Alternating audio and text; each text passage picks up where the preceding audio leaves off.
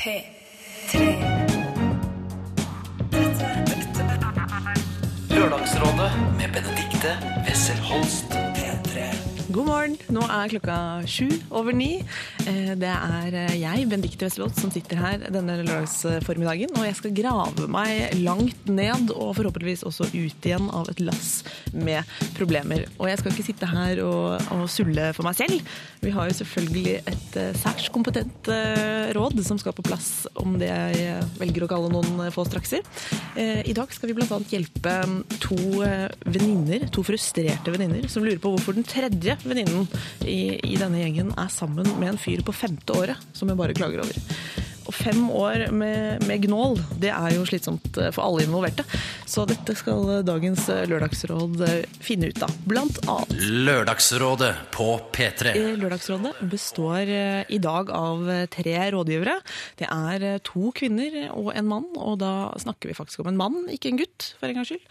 Eh, Vi kan begynne med det maskuline innslaget her. Det er jo en viss sånn, eh, litt sånn ærefrykt i studio, og en stor porsjon vanlig glede. Eh, Jeg kan introdusere nyhetsanker og utenriksguru eh, Christian Borch. Velkommen. Takk. Gleden er på min side, som det heter i dannet lag, i hvert fall foreløpig. Det er hyggelig å ha deg. Takk. Jeg kan røpe for deg som hører på, at, eh, at Christian er liksom, har ikke hørt veldig mye på Lørdagsrådet, men han stiller opp.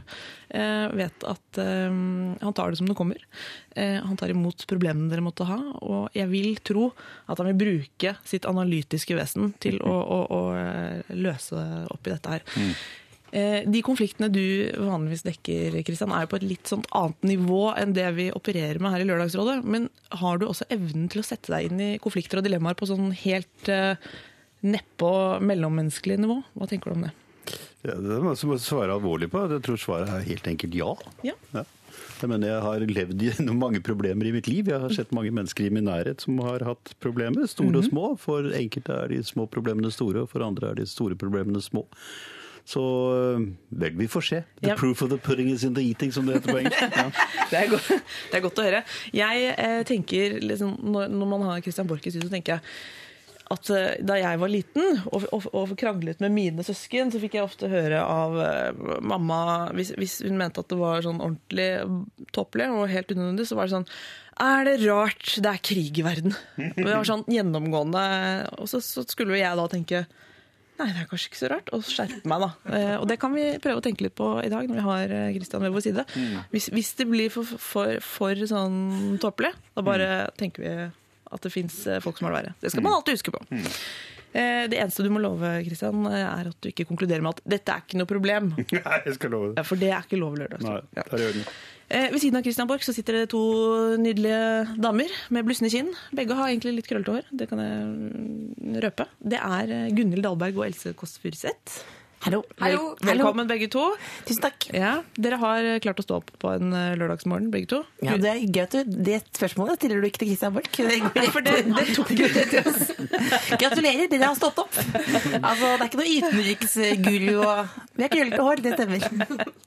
Begge to er gode på emosjonell jackass. Ja, det har dere til felles. Gunhild, du har fått eh, barn. Ja, jeg- så jeg har vært oppe siden klokka fem. Det er det jeg tenkte, at du er liksom langt utpå dagen du nå. Ja. Ja, Jeg har vært barn. Ja. er Gratulerer. det kan Else bidra med. Jeg har tenkt at dere to er, eh, har en sånn evne til å eh, spre glede, åpenbart. Eh, og dere virker også som dere har en sånn Stort sett et godt, stabilt humør er mitt inntrykk. Jeg lurer på, Er det noe som kan få dere til å virkelig miste tålmodigheten? Og hva er i så fall det? Nei, som Gunhild alltid pleier å si, at glasset er ikke halvtomt, det er halvfullt. Jeg vet ikke, hva sier du, Gunhild? Når er det du, du klikker? Når er det du trenger litt aleinetid og er ordentlig sur? Nesten alltid. Jeg, er, eh, jeg liker bare å prate med folk på radioen. Ja. Jeg er veldig glad i å være ale- aleine og er nesten alltid sur når jeg er i butikken. Akkurat. jeg liker ikke når ekspeditører snakker til meg. Nei, da, da er du i sånn egen modus. da. hveser jeg nesten tilbake. Skaper, mener du det, eller? Ja. Det Hei, hei! Trenger du noe i dag? Jeg bare ser. Ja. Ja, sånn, sånn er Gunhild faktisk. Da må jeg stille spørsmål. Har Du har altså aldri jobbet i butikk? Jo, det har jeg faktisk har også. det. også. Har det. Det var grusomt. Gikk du da helt vekk fra konseptet 'hei, vil du ha hjelp'? Ja, jeg tror jeg gikk inn på bakrommet og røyka Ja. mye. Åh, det er godt man fikk Gunhild over i en annen bransje, tror jeg. Fantastisk. Else Kåss, eh, jeg vet at du har vært Jeg gråter eh, privat. Jeg, Du ler offentlig, gråter privat. men Eh, helt alvorlig så jeg mobbet nå på ferie at jeg, at, jeg var litt sliten en dag. Så var det noen som spurte sånn Er du lei deg nå og kommer til å gråte i dusjen? Og så funnet, funnet ut at jeg, jeg gråter liksom ikke uten publikum. Du liker å gjøre det foran noen, ja. Ja, rett og slett. Da får man jo Ja, da da får man ofte trøst, ja. Ja, det er jo, for det Så er det lønner seg egentlig veldig bra tips, faktisk. For det er jo ofte i det jeg skal si til noen at jeg, noen at jeg syns noe er vanskelig. Ja. Og så kjenner jeg at jeg må bite meg i leppen og sier dette her må jeg, nå må jeg ikke gråte. Da gråter jeg jo. Men det er, sånn, det er, de, det er de vonde sånn fire Bridget Jones-tårene som er sånn øh, sinnatårer. Men øh, latteren og gråten går jo hånd i hånd. Vet du hva, det er Bakom skyene skinner sola. Det gjør det, og Ja. det er godt å, godt å ha, ha sagt det her eh, i Lørdagsrådet så tidlig i sendingen. Jeg har allerede eh, fått eh, på Facebook høre at eh, der er det faktisk eh, folk som har sittet klar siden klokken åtte. Det, det syns jeg er veldig hyggelig. Eh, Tenk at man sitter klar på Ja, ja. Facebook. Fordi man ikke får sove, da. Fordi Ja, man har så man mye gleder problemer. seg til sending. Det syns jeg er helt nydelig. Nå er det i gang. Og hvis du ligger og slumrer under dyna, så tenk på noe du kanskje syns er litt problematisk, egentlig. Da, og send det inn til oss, så skal vi diskutere det her i Lørdagsrådet. Eh, ironisk nok eh, kan du drømme litt grann videre med Kaizers eh, orkester. Lørdagsrådet på P3.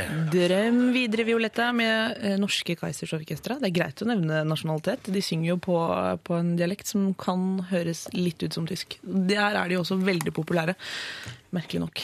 Eh, dagens lørdagsråd det består av eh, nyhetsanker Christian Borch. Gunhild Dahlberg fra tidligere var hun i P3. Nå er det andre ting som gjelder. Gunhild, Ja, det stemmer. Jeg har jo du har slått deg litt eh, Ja, du har har- fått, blitt mamma. Ja, og så skal jeg begynne på Kunsthøgskolen. Ja, Det er spennende.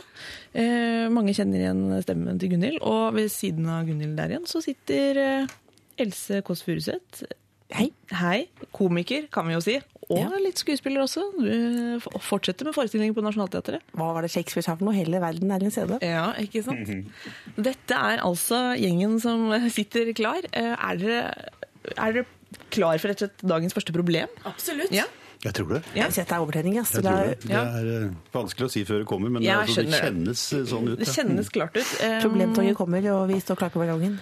For uh, Christian, som er vant til at problemet varer og varer altså gjennom mange mange år uh, Du dekker jo så å si det som kan se ut som uløselige konflikter. Altså Her i Lørdagsrådet så er det konkrete tiltak som gjelder, eh, som blir iverksatt. Og vi bruker rundt fem minutter på å komme fram til, til eh, en form for konklusjon. Men vi kan godt være uenige.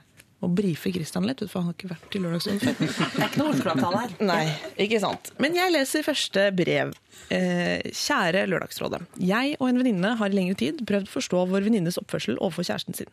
De har vært sammen i snart fem år, og i fire av disse årene har vi hørt vår venninne uttrykke misnøye med forholdet og et ønske om at det skal ta slutt.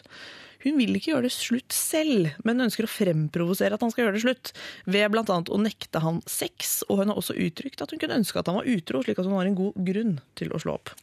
Nå er vi lei av oppførselen hennes og begynner å synes synd på han. Vi har jo også prøvd å hjelpe henne ved å støtte og, gi, og rådgi henne til å gjøre det slutt, uten at hun har tatt saken i egne hender. Eh, Vi er litt helt rådløse. Hva skal vi si eller gjøre? Eller er det sånn at vi bare skal godta at venninnen vår kaster bort livet sitt på å være et forhold hun ikke ønsker å være i? Hilsen to bekymrede venninner i 20-årene. Ja, kan man slå opp eh, altså sånn, Er det litt vanskelig å iverksette et brudd sånn på vegne av andre, eller? Christian har jo vært i en lignende situasjon. Nei, du har aldri prøvd Nei, det? aldri prøvd, nei, aldri prøvd å iverksette en slå-opp-situasjon. For Kan ha vært nei. fristet. Det er ikke det, men altså, det som slår meg når jeg hører denne problemstillingen, er, er eh, hvem er denne fyren?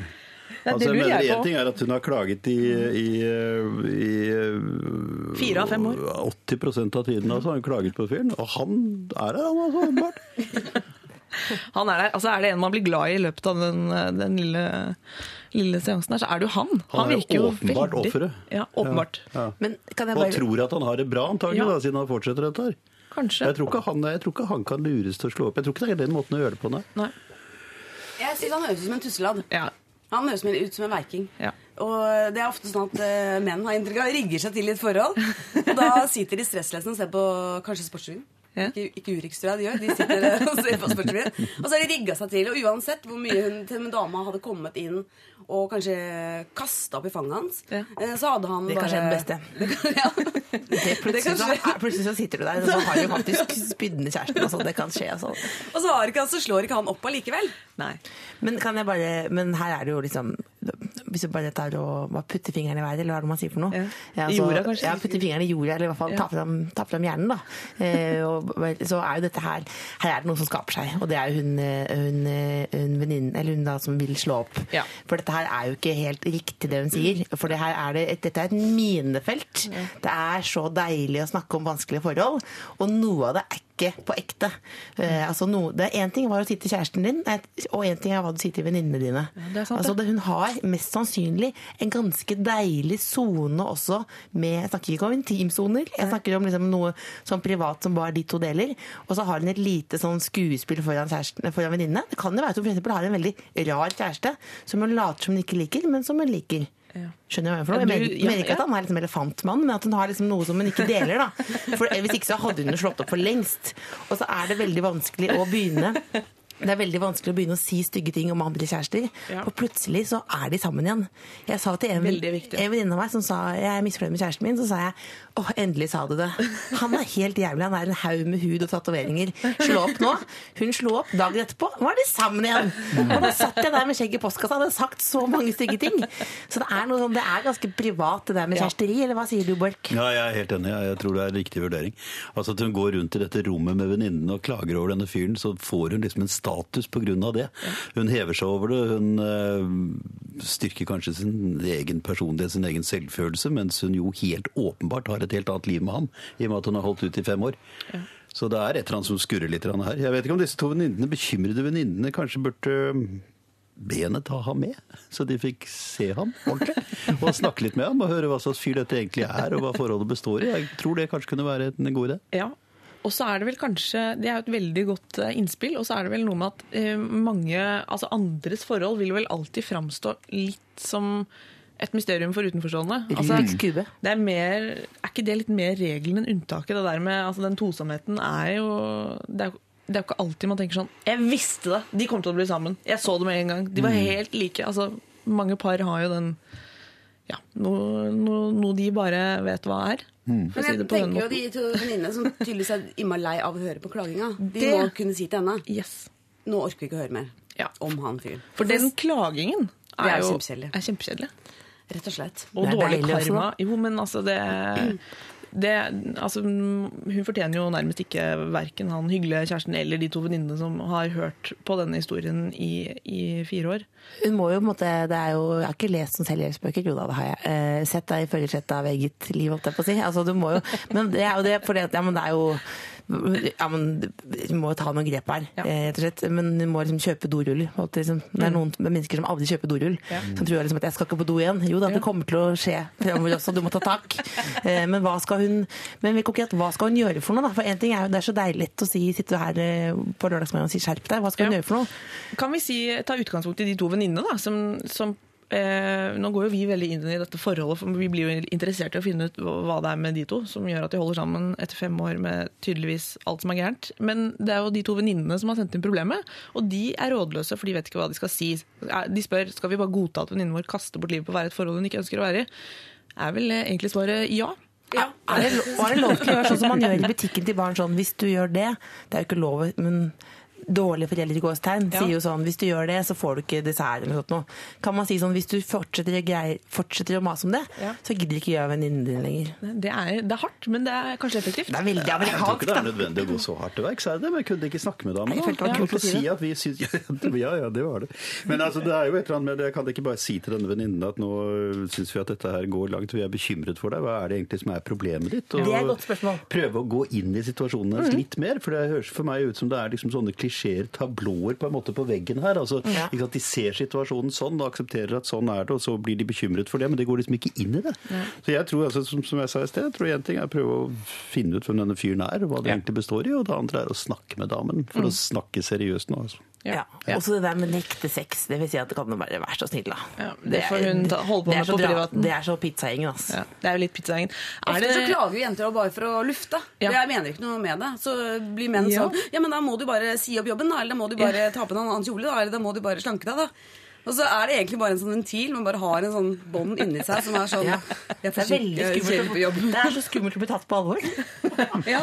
Kanskje det er det hun opplever her? At hun Ja, bare har brukt det. det som en ventil? Helt uh, litt, altså Misbrukt det som en ventil, kan vi kanskje si her, da, siden disse venninnene er litt bekymret. Venninnene må, må, Må si at, uh, må ta, høre er det dette problemet reelle.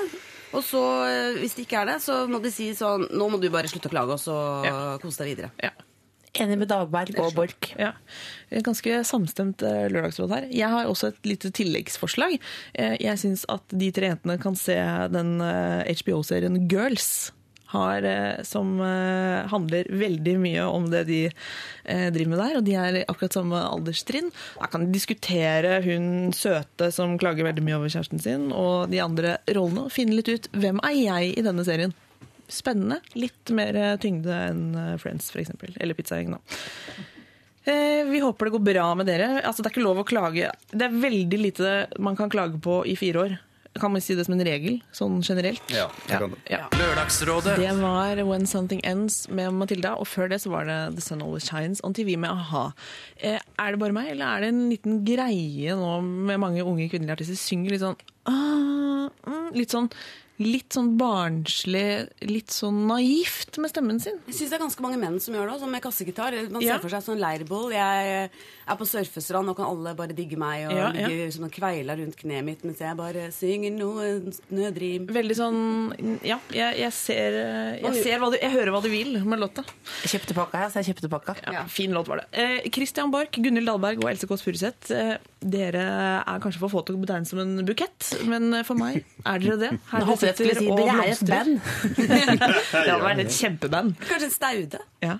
Eh, Jeg har eh, faktisk eh, Gunhild nevnte tidligere i dag, for deg som akkurat har skrudd på, så nevnte Gunhild tidlig på morgenen i dag at hun skammet seg litt over å være litt sur i møte med ekspeditriser og lignende i butikker. Men det har kommet inn en melding til deg, Gunhild. Hei, Lørdagsrådet. Jeg har faktisk ekspedert Gunhild, og jeg oppfattet slett ingen fresing. Det er det er falsk i butikken. Og smiler tilbake, men inni eh, meg så raser jeg. Inni gjør det. Hun fniser litt i bilen på vei til sin butikkjobb. Det er hyggelig å høre. Du er kanskje ikke så ille som du tror, Gunnhild, men du er sint inni deg, da. Men kanskje hun ikke var sånn masete ekspeditør. For det Ja. er det jeg synes er slitsomt når de følger etter i butikken. Så lurer jeg på, Skal de hjelpe meg, eller tror de jeg skal stjele? Å ja, du blir usikker på det? Ja, Jeg skjønner. Ble usikker på, så ikke mas. Det er ikke sikkert det handler om deg. Det kan være at du holder på å rydde. eller noe. Det er ikke sånn, du må på en måte snu det iPhone-kameraet du har vendt inn mot deg selv, og du vender ut mot verden. Det kan være at du bare skal vaske hyllene eller Det kan skje. Eh, kjære lørdagsrådgivere. Eh, vi har et eh, problem til her i bunken. I, eh, I størrelsesorden eh, large. Ja, det vil jeg nesten si. Eh, Det er en ung stemor som har litt eh, startproblemer. Jeg leser. Kjære Lørdagsrådet. Kjæresten min har to barn fra et tidligere forhold. De er fire og seks år. Jeg syns det er vanskelig, selv om vi har vært sammen snart et år. Han har dem annenhver uke. De er begge pappadalter og har et stort oppmerksomhetsbehov. Jeg har ingen barn fra før. Vi bor en time fra hverandre, men har planer om å flytte sammen eh, om et års tid. Da er det snakk om at han skal ha dem annenhver helg, men han har sagt eh, at det er usikkert om han kommer til å takle å se dem så sjelden. Jeg ønsker veldig å forstå hva jeg bør gjøre med dette. Han er en helt fantastisk kjæreste og er flink med barna. Men jeg blir sliten av dem. Jeg, jeg blir utrolig sliten av dem og merker at dette går utover hvordan jeg oppfører meg overfor dem. Hva bør jeg gjøre med dette? Eh, Jeg elsker kjæresten, men er mye frustrert pga. ungene. Jeg håper dere har noen tanker rundt dette. Hilsen Linn på 30. Hei, Linn. Jeg bobler over det, altså. Men, eh, hva, men samtidig så Ja, er jeg Else, veldig spent på hva. Borch Ja. skal si. Men, Ja. Men er bare fordi jeg er jo jeg er et oppmerksomhetssykt barn. Eh, som, Du er? Jeg er et oppmerksomhetssykt oppmerks, Veldig vanskelig ord. Oppmerksomhetssykt barn som, eh, som fikk da en eh, Som har en stemor, Ja. eh, og som har vært eh, Vi har snakket ut om det, så jeg kan si det. Som ikke har vært, jeg har ikke vært hyggelig 24-7. Eh, jeg var vel en som Jeg prøvde å, å signalisere med øynene mine ofte at husk at du er moren min eh, ved middagsbordet. Eh, så jeg vil si at Først vil jeg si var det Lint på 30. Jeg vil si at ett år er ingenting. Nei, det er det Beklager. Eh. Er det, altså, ett år er ingenting. Det er, altså, det er jo er det, det er en krusning på livets store sjø, hav, Oi, ja. eller sånt noe.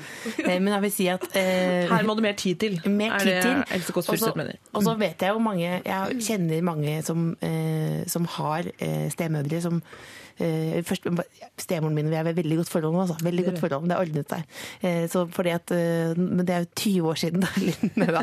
Men, men det jeg vil si at, er at um, du må på en måte ta et valg, Linn. Når du velger da en mann med barn, så velger du en mann med barn. Og de barna er der. Så du kan jo på en måte, de kommer til å være der. Eh, så du, men det kommer til å endre seg. Eh, for fire og seks år, de, etter hvert så får jo de De har jo utviklet hjerne og motorikk og sånt nå, men etter hvert så vil du jo også se at de er tenkende voksne vesener. Ja. Men altså, det kommer til å bli bedre, men du må på en måte Du kan ikke velge Hvis du begynner å hvis du, hvis du ikke liker de barna, det er ikke lov, da. Nei. Du må like de barna. Du har tatt et valg, så hvis ikke du liker barna, så kan du ikke være sammen med han. på en Det, måte. er- det er strengt. Eh, Christian Borch, innspill. Er det feil? Altså, Jeg jeg, tror kanskje at uh, Kanskje jeg ble privat nå, så jeg vet ikke. Ja, du ble veldig privat, men det var for så vidt hyggelig, det. Det er ut fra sine egne erfaringer at man virkelig kan gi blod og nerve til tingene, holdt jeg på å si. Men det, det er nå det. Uh, altså, jeg tror at uh, denne 30 år gamle stemoren uh, bør forholde seg til disse ungene på en vesentlig mer avslappet måte enn hun gjør. For det virker på meg som hun har altså så mange tanker rundt det at hun faktisk blir forutinntatt, på en måte. At hun går til møte med dem med en holdning som hun har definert inni hodet sitt, men ikke i forhold til de realitetene hun står overfor når ungene er der. Altså Ethvert et hvert barn er et individ. Ethvert individ har eh, massevis av sånne forutinntatte oppfatninger, eh, følelser inni seg osv. Og, så og det er et spørsmål om å møte dem i øyeblikket, tror jeg, i stor grad. Og ikke innta forutinntatte holdninger. Det er fryktelig viktig i denne situasjonen. Ellers tror jeg det er veldig riktig som, som Else sier, at disse ungene er jo her. Og hvis hun elsker denne mannen, så må hun bare godta at han er disse barnas far, og at han også elsker disse ungene. Dermed blir det en del av en helhet. Hun er altså simpelthen nødt til å forholde seg til. Ja. Jeg pleier ikke sant, når du står overfor sånne konfliktsituasjoner at du kan ikke løse dem med hodet. Den eneste måten du kan bruke hodet på, det er å innstille hele sinnet ditt til å gå inn i en slags sånn symbiose med ungene og hele atmosfæren og tonen, og være seg selv. Og innse at dette er altså mennesker. Ja. Det er de altså fra de er bitte, bitte små. De tar imot impulser, og de tar imot stimuli, og de tar imot kjærlighet, og de tar imot det motsatte. Så hvis hun er forutinntatt, så setter hun dem i en posisjon hvor de vil motarbeide henne, og så får du en sånn negativ ø, konsekvens i hele symbiosen, eller hele samspillet. Ja. Jeg blir så fjetra av alt det- Christian Borch sier, og lurer på om du eh, i tillegg til Urex kanskje jobber som eh, har sånn privatpraktiserende psykologtjeneste?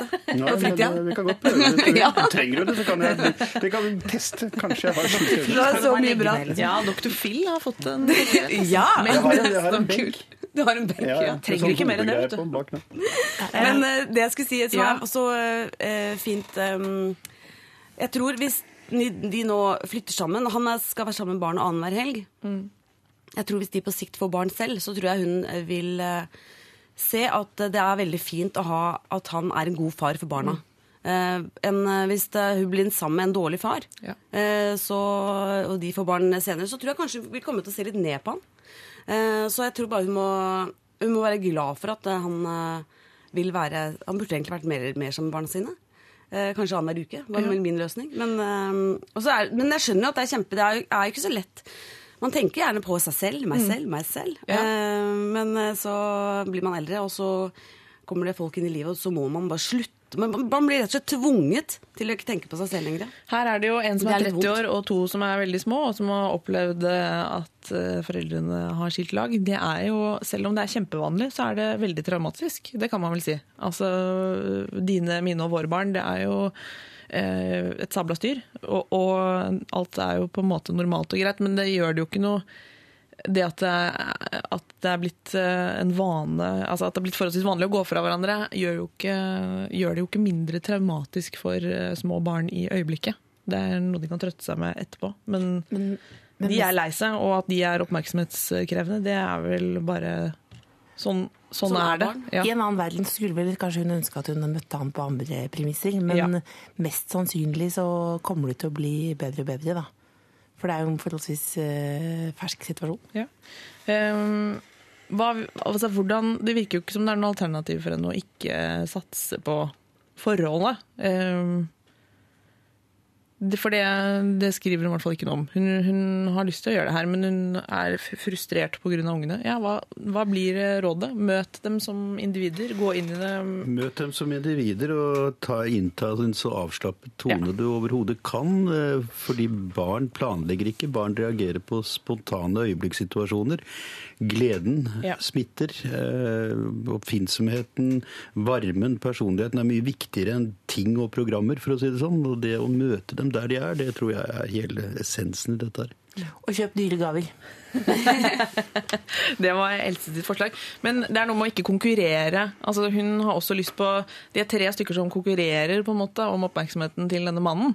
Og hun må være den 30-åringen hun er, og ikke gjøre det. Ja. Eh, Er det, noe, er det et alternativ å kanskje involvere seg litt Altså gjøre noe sammen med disse barna, eller er det Ja, det regner jeg vel egentlig med at hun gjør. Ja. Hvis hun er, de fungerer jo da som en familie. Så Ja. det, fortsett med det. Og så tror jeg at uh, Uan, Jeg har fått barn for fire måneder siden bare. Og det blir jo en omrokering i familielivet. Eh, jeg gir jo ikke opp kjæresten min så mye oppmerksomhet som han eh, fikk før. For nå går jo alt til eller 80 kanskje til og med 99 av oppmerksomheten min går foreløpig til, til babyen. Og Ja. det, det vet at det er sjalusi i, med, med, sin, med sine egne barn også. Ja. At man må tenke at det er vanlig. Eh, og så får man heller bare Man er den mest voksne i familien, så må man liksom bare Ja. tenker sjøl, da. Ja. Men du må jo også godta at menneskelivet forandrer seg. Altså, men Ja. Hvis du har levet alene med kjæresten din, så kan jo ikke han bli sjalu når det blir barna. for å si det sånn. Altså, jeg mener, Da oppstår det jo som familie. Da oppstår det en ny situasjon, og den må man forholde seg til. Og det må hun gjøre i denne situasjonen også. Og litt- Og hun må gå inn i den med positiv vilje, positiv holdning, altså uten å tenke for teoretisk på forhånd, tror jeg. ja. Så er det ikke litt deilig med barna? At du slipper liksom at du at du har noe annet enn deg selv å bry deg om. Altså At det kan være litt en fin sånn Ja, men en annen- En annen sånn abstraksjon, eller noe som attraksjon, liksom noe annet som og som kan få forhold til liksom vare lenger også. Fordi man blir jo veldig lei av seg sjøl og Titt, da. Så det er veldig bra tips faktisk å ha med de barna i familieselskaper, fordi da slutter både foreldre og svigerforeldre og alle andre i slekta er ikke interessert i meg lenger, f.eks. Bare interessert i barna. Slipper å sitte og fortelle hva du skal på jobben og ditt og datt. Bare unga styrer showet. Man bruker en leie barn for Ja, å ha med seg i kan man sånne situasjoner. faktisk. Linn på 30 år, du må gå inn i situasjonen med et åpent sinn eh, og ikke planlegge altfor mye på forhånd eller legge en sånn altfor innfløkt strategi. Er, du må gi dem eh, oppmerksomhet og eh, respondere på en positiv måte eh, når de kommer deg i møte. Og så får man leve med at det er litt røft i begynnelsen, og de barna er som sagt eh, kommet for å bli. Din rolle er jo litt mer usikker, så det får man jo Eh, den får du jo ta underveis, om du er villig til å eh, være strengt tatt være en slags eh, nummer to, da. For det, sånn er det litt når man har fått barn i Satt barn til verden. Veldig alvorlig der, men eh, det er jo, det er jo egentlig ganske alvorlig der. Ja, men det er bare det. Så må man bare spille av det Christian Borch sa i stad, Ja, og så og så høre på hver kveld. Det Eh. Det kommer en podkast, da kan man eh, spole fram til det resonnementet og, og, og gjøre som Christian Borch sa.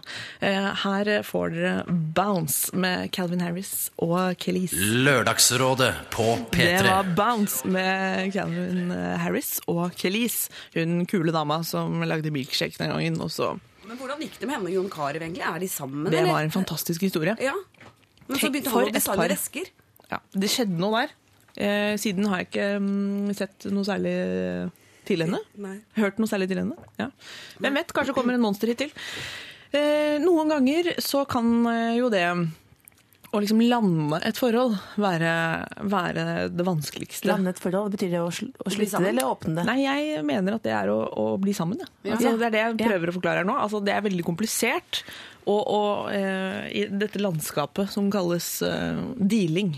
Og det er der vi befinner oss i neste problem. Kjære Lørdagsrådet. Spørsmål. Ja. Bør jenta alltid sitte på gjerdet og vente? Bakgrunn for spørsmålet. Dette er veldig sånn systematisk eh, lagt fram. Min yndlingsfilm er 'Han er faktisk inter ikke interessert', altså den 'He's just not that into you', hvis noen har sett den filmen. Eh, prøver å leve etter moralen i filmen, som er om at eh, gutten ikke er interessert.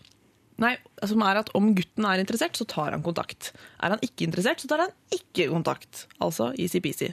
Men De siste flørtene jeg har hatt, har skjedd fordi jeg har driti i regelen etter filmen og tatt kontakt med gutter jeg har likt.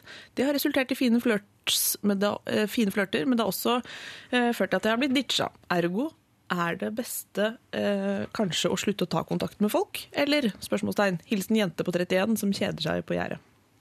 Men det er jo deilig. Altså gjerdehenging er det litt oppskrytt. hun er jo veldig påmeldt, da. For hun har jo, hun har jo meldt seg på livet og er ute og Hun har det moro, hører jeg. Rett og slett. Ja, men hun er usikker på om det er riktig strategi. Her vil jeg si at her er jeg faktisk, kunne jeg sendt inn de problemene der sjøl. Altså. Altså, jeg tenker, men Borch, du begynte å smile når man snakket om dealing. Jeg følte at du hadde, at du hadde egne erfaringer du ville dele.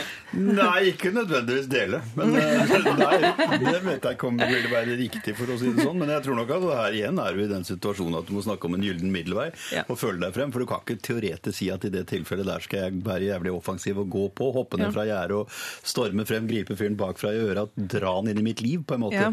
Men du kan ikke si det på forhånd. Altså, du er nødt til å føle deg frem, du er nødt til å se stemningen, du er nødt til å fornemme hvordan denne andre personen reagerer. Øh, Det høres selvfølgelig helt utrolig ut for resten av panelet, men det er altså faktisk slik at en del menn er jævla sky.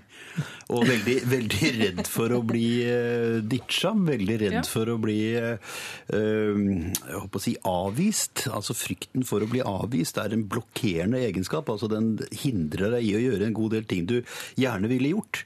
Og hvis en eller annen da kommer liksom og lurker seg under den der forsvarsmekanismen, så kan det oppstå store ting, og det kan være veldig positivt og veldig verdifullt og veldig nødvendig for å få noe til å gå. I motsatt tilfelle så kan det jo bli litt sånn plumpt. At du kommer en eller annen labbende plattfot etter deg ikke sant, og strekker ut armene og du tenker at urk! Så det er, det er ikke mulig å svare helt eh, sånn helt eh, og bare spikre et svar på veggen her, altså. Så han kan være interessert selv om han ikke virker som han er interessert. Absolutt. Og ja, da det skal jeg funker ikke den filmen! det. Ja, du er usikker på Ja, jeg syns den filmen har mye for seg. Ja, ja, og du boka har- òg. ja. Les den gjerne flere ganger. Så det, for det, så det er, Sånn som jeg har gjort. Så det er sånn at det, den filmen, det, den filmen uttrykker, er jo at hvis ikke, hvis ikke han gir eh, uttrykk for eh, kjærlighet, Hvis han ikke gir respons på, på noe, så er det ikke fordi han ikke tør, men det er fordi han driter i det. Ja. Det er litt sånn tøff love-film. Ja, det er det. Fordi hvis, eh, I hvert fall min Men må eh, verden være sånn, sier jeg da. Det er jo helt trasig at menn er sånn. Er- men eh, Men nei, er det litt farlig å lage disse reglene? For nå, nå diskuterer vi en uh, bok som heter den, 'Den han er faktisk ikke interessert'. Og så les, Den leser jentene, og så leser gutta ofte 'The Den- Game'. Nei, hva heter den? The Game? nei, um, Alfahannen, nei. ja, heter ikke den The Game? Jo. Uh, hvordan man sjekker opp kvinner.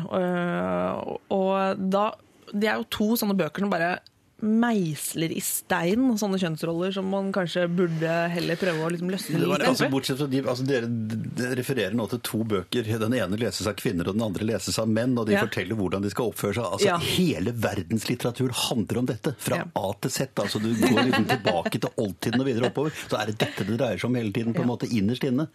Og det er der jeg fastholder hva jeg sa i sted, til kjedsommelighet, At jeg tror ikke du kan sette opp noen regler. Altså, det nytter ikke liksom å lage en ikonisk film og si at sånn skal det være, og slik er menn. Ja. Det er ikke sånn.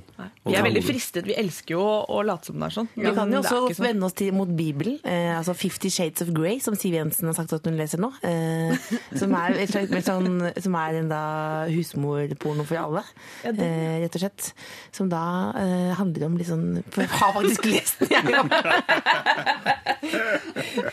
Den handler om liksom at eh, man må den, den er veldig grov, så den har egentlig ikke noe med dette å gjøre i det hele Er det porno?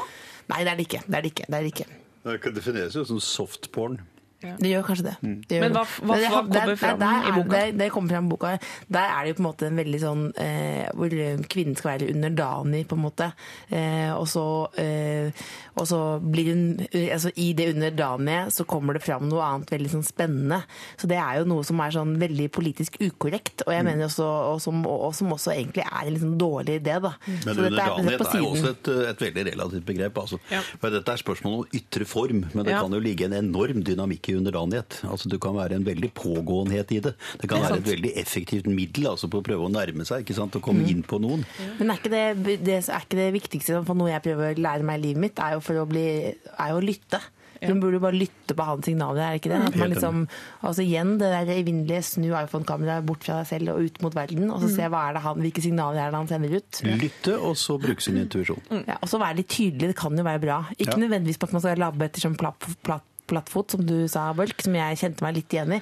Men, altså at, man, men at, man altså, altså at man sender noen signaler tydelighet. Hvordan, hvordan kan man gjøre det konkret? Er det kanskje løsningen framfor For vi bruker jo veldig mye energi på å analysere hva andre tenker om oss selv. Kanskje man skal konsentrere seg litt mer om hvilke signaler man selv sender ut, og så, får man, så er man mer sikker i sin sak på responsen tilbake. Altså Ja. Hvis eh, eh, jente 31 syns at en av disse guttene hun har møtt er veldig søt, da kan hun gi litt ekstra uttrykk for det i den innledende fasen, sånn at hun, hvis det da ikke kommer noen respons, så er han kanskje ikke interessert. eh, Altså sånn, hvis, hvis han får en trygghet i at hun faktisk liker han, så er, jo, så er det jo lettere å lese etterpå. Framfor at du selv syns han er kjempekjekk og spennende, men tør ikke gi uttrykk for det, og etterpå lurer du på altså, da, da blir det så mange lag med usikkerhet. Jeg syns det virka som hun hadde vært på tilbudssida ganske lenge. Ja. På, men hun må liksom vite hva hun vil. Vil hun liksom ha en flørt, eller vil hun ha et forhold? Hun vil ha Hvis- forhold. Hvis hun vil ha et forhold, da tror jeg det er å være bitte litt på tilbudssida. Mm. Og så Ice cold.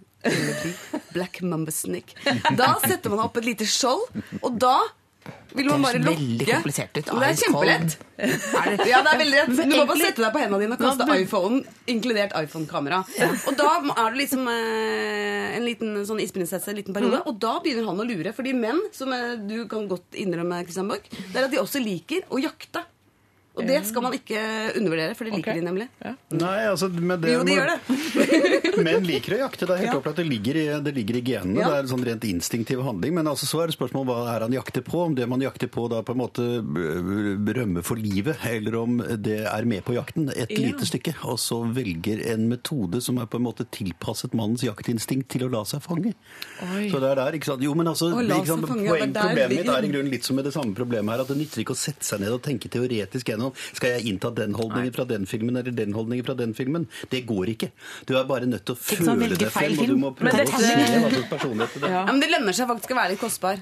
Det lønner seg å være Ja, kostbar. Det er så komplisert. Nei da, det er ikke så komplisert. dette- Bare kline litt, og så være kostbar. Okay. Det, nei, men, nei, men det der kald puma og vær kostbar og jakt og veldig komplisert. Det, men, Det er jo litt sånn, Kristian som- Borch, at når du sier sånn Det er som å si til en umusikalsk person du må lytte til musikken og danse, føle musikken. Du må kjenne, og, og så danser du en perfekt dans. Altså, for mange er det er det helt umulig?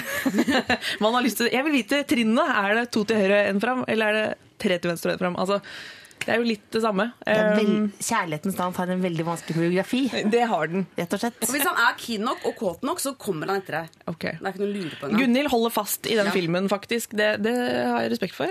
Vær litt uh, gi, my, gi tydelige signaler, og trekk deg litt tilbake. Det er Gunhild Dahlbergs råd. Det er råd. veldig interessant å høre på Gunhild Dahlberg, fordi bare for noen år siden så bodde hun nede i en veldig fuktig seilbåt og var singel. Ja. Nå har hun mann og barn.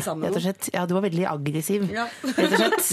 Og nå har du, nå har du en egen glød som bare Ja. nybakte mødre har. Gunhild Dahlberg er en slags eh, Jarle Andøy eh, female version. Altså renere, vil jeg si. Eh, Men, men du har vært på Bøljan blå.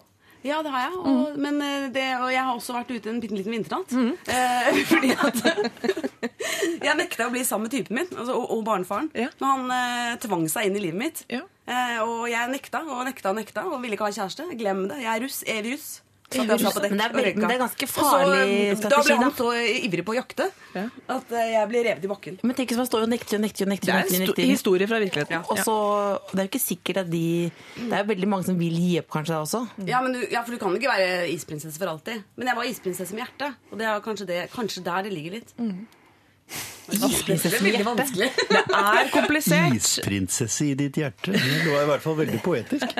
Ja, du burde ring Kagge. Jeg burde, skrevet, jeg burde skrevet dikt istedenfor å bli mor. Eh, det er jo ingen tvil om at dette temaet blir man aldri ferdig med å diskutere. Eh, og det er Elsker det. Man, Jeg man, el ja, man elsker å Men hva er det man sier når man har vært med på Paradise Hotel? Jeg angrer ikke på noe jeg har gjort, jeg angrer på at jeg ikke gjorde. Ja. Jeg hadde, jeg hadde, en, eh, hadde en tegning hengende på skrivebordet mitt av to stenaldermenn med hver sin klubbe som lå gjemt i buskene og så en kvinne komme slepende hjem med en puma etter halen som hun hadde vært av og jaktet, og så sier den ene til den andre Jeg advarer deg, Garv. Prøv deg gjerne på henne, men hvis hun ikke liker paringsritualene dine, kan hun komme til å ete deg. Det er jo Det er jo realiteten, på, på et vis. Men kjære kvinne på 31, som, hvis du kjeder deg på gjerdet, så må man hoppe ned fra gjerdet. Og så er det evig Gjerdet står der, bare sett seg på det igjen. Ja. Så er den evig For runddans. eksempel. En liten, tur, liten tur opp på gjerdet hvis, hvis du skulle trenge det. Gjerne med ryggen til. Ja. Gunhild er eh, svoren tilhenger av den litt eh, den interesserte eh, isprinsessen på gjerdet i den avgjørende fasen. Og så smelte akkurat tidsnok til at det, at det blir ordnings, da. Det høres for meg ut som Gunhild definerer gjerdet som en, som en metafor for seilbåt. Ja. Ja. Ja, kjøp deg en seilbåt. Det er det som er trikset. Jeg er så interessert i damer med seilbåt. Ja, det er, gjør det veldig vanskelig. Altså, det er som å kjøpe seg ti katter, rett og slett. Nei, det er, kjempe, det er mye lettere, fordi Det er at det er eh, eksotisk, det er som en slags honningkrukke for menn. Hvis noen kommer har en seilbåt der ute, vil jeg kjøpe seilbåt, jeg òg. Ja, Det er altså, som dere skjønner, eh, et ivrig panel vi har her i dag. Det er P3 1987 som du kan sende oss SMS med problemer du eventuelt måtte ha, eller lralfakrøll eh, nrk.no. Lørdagsrådet. Det var Cityboy med Donkeyboy, eh, eller omvendt om du vil. Det er litt sånn eh, Agnes i senga-låtband. Jeg syns de burde ta selvkritikk, for det er sånn dårlig eh, radiospråk Altså Cityboy, Donkeyboy. Ja. Det er sånn boy to ganger. Ja, dårlig språk. Ja, enig. Kan- City kunne stått der. Enig. Um, dagens lørdagsråd det består av uh, Gunhild Dahlberg, som uh, ler i dette øyeblikk, Kristian Christian Borch, som smiler i dette øyeblikk, og Else Kåss Furuseth, som uh, er forbanna. sitter og er helt Nå er jeg sur. Jeg vil ha alenetid. Vi er eh, Du lytter til eh, Lørdagsrådet.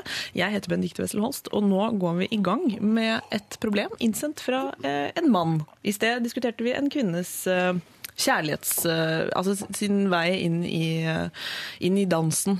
Den vanskelige kjærlighetsdansen. Tenk hvis det er to stykker som sender problem, og så, er det, så sender de om samme problem. Der har du en film. ja. Fantastisk.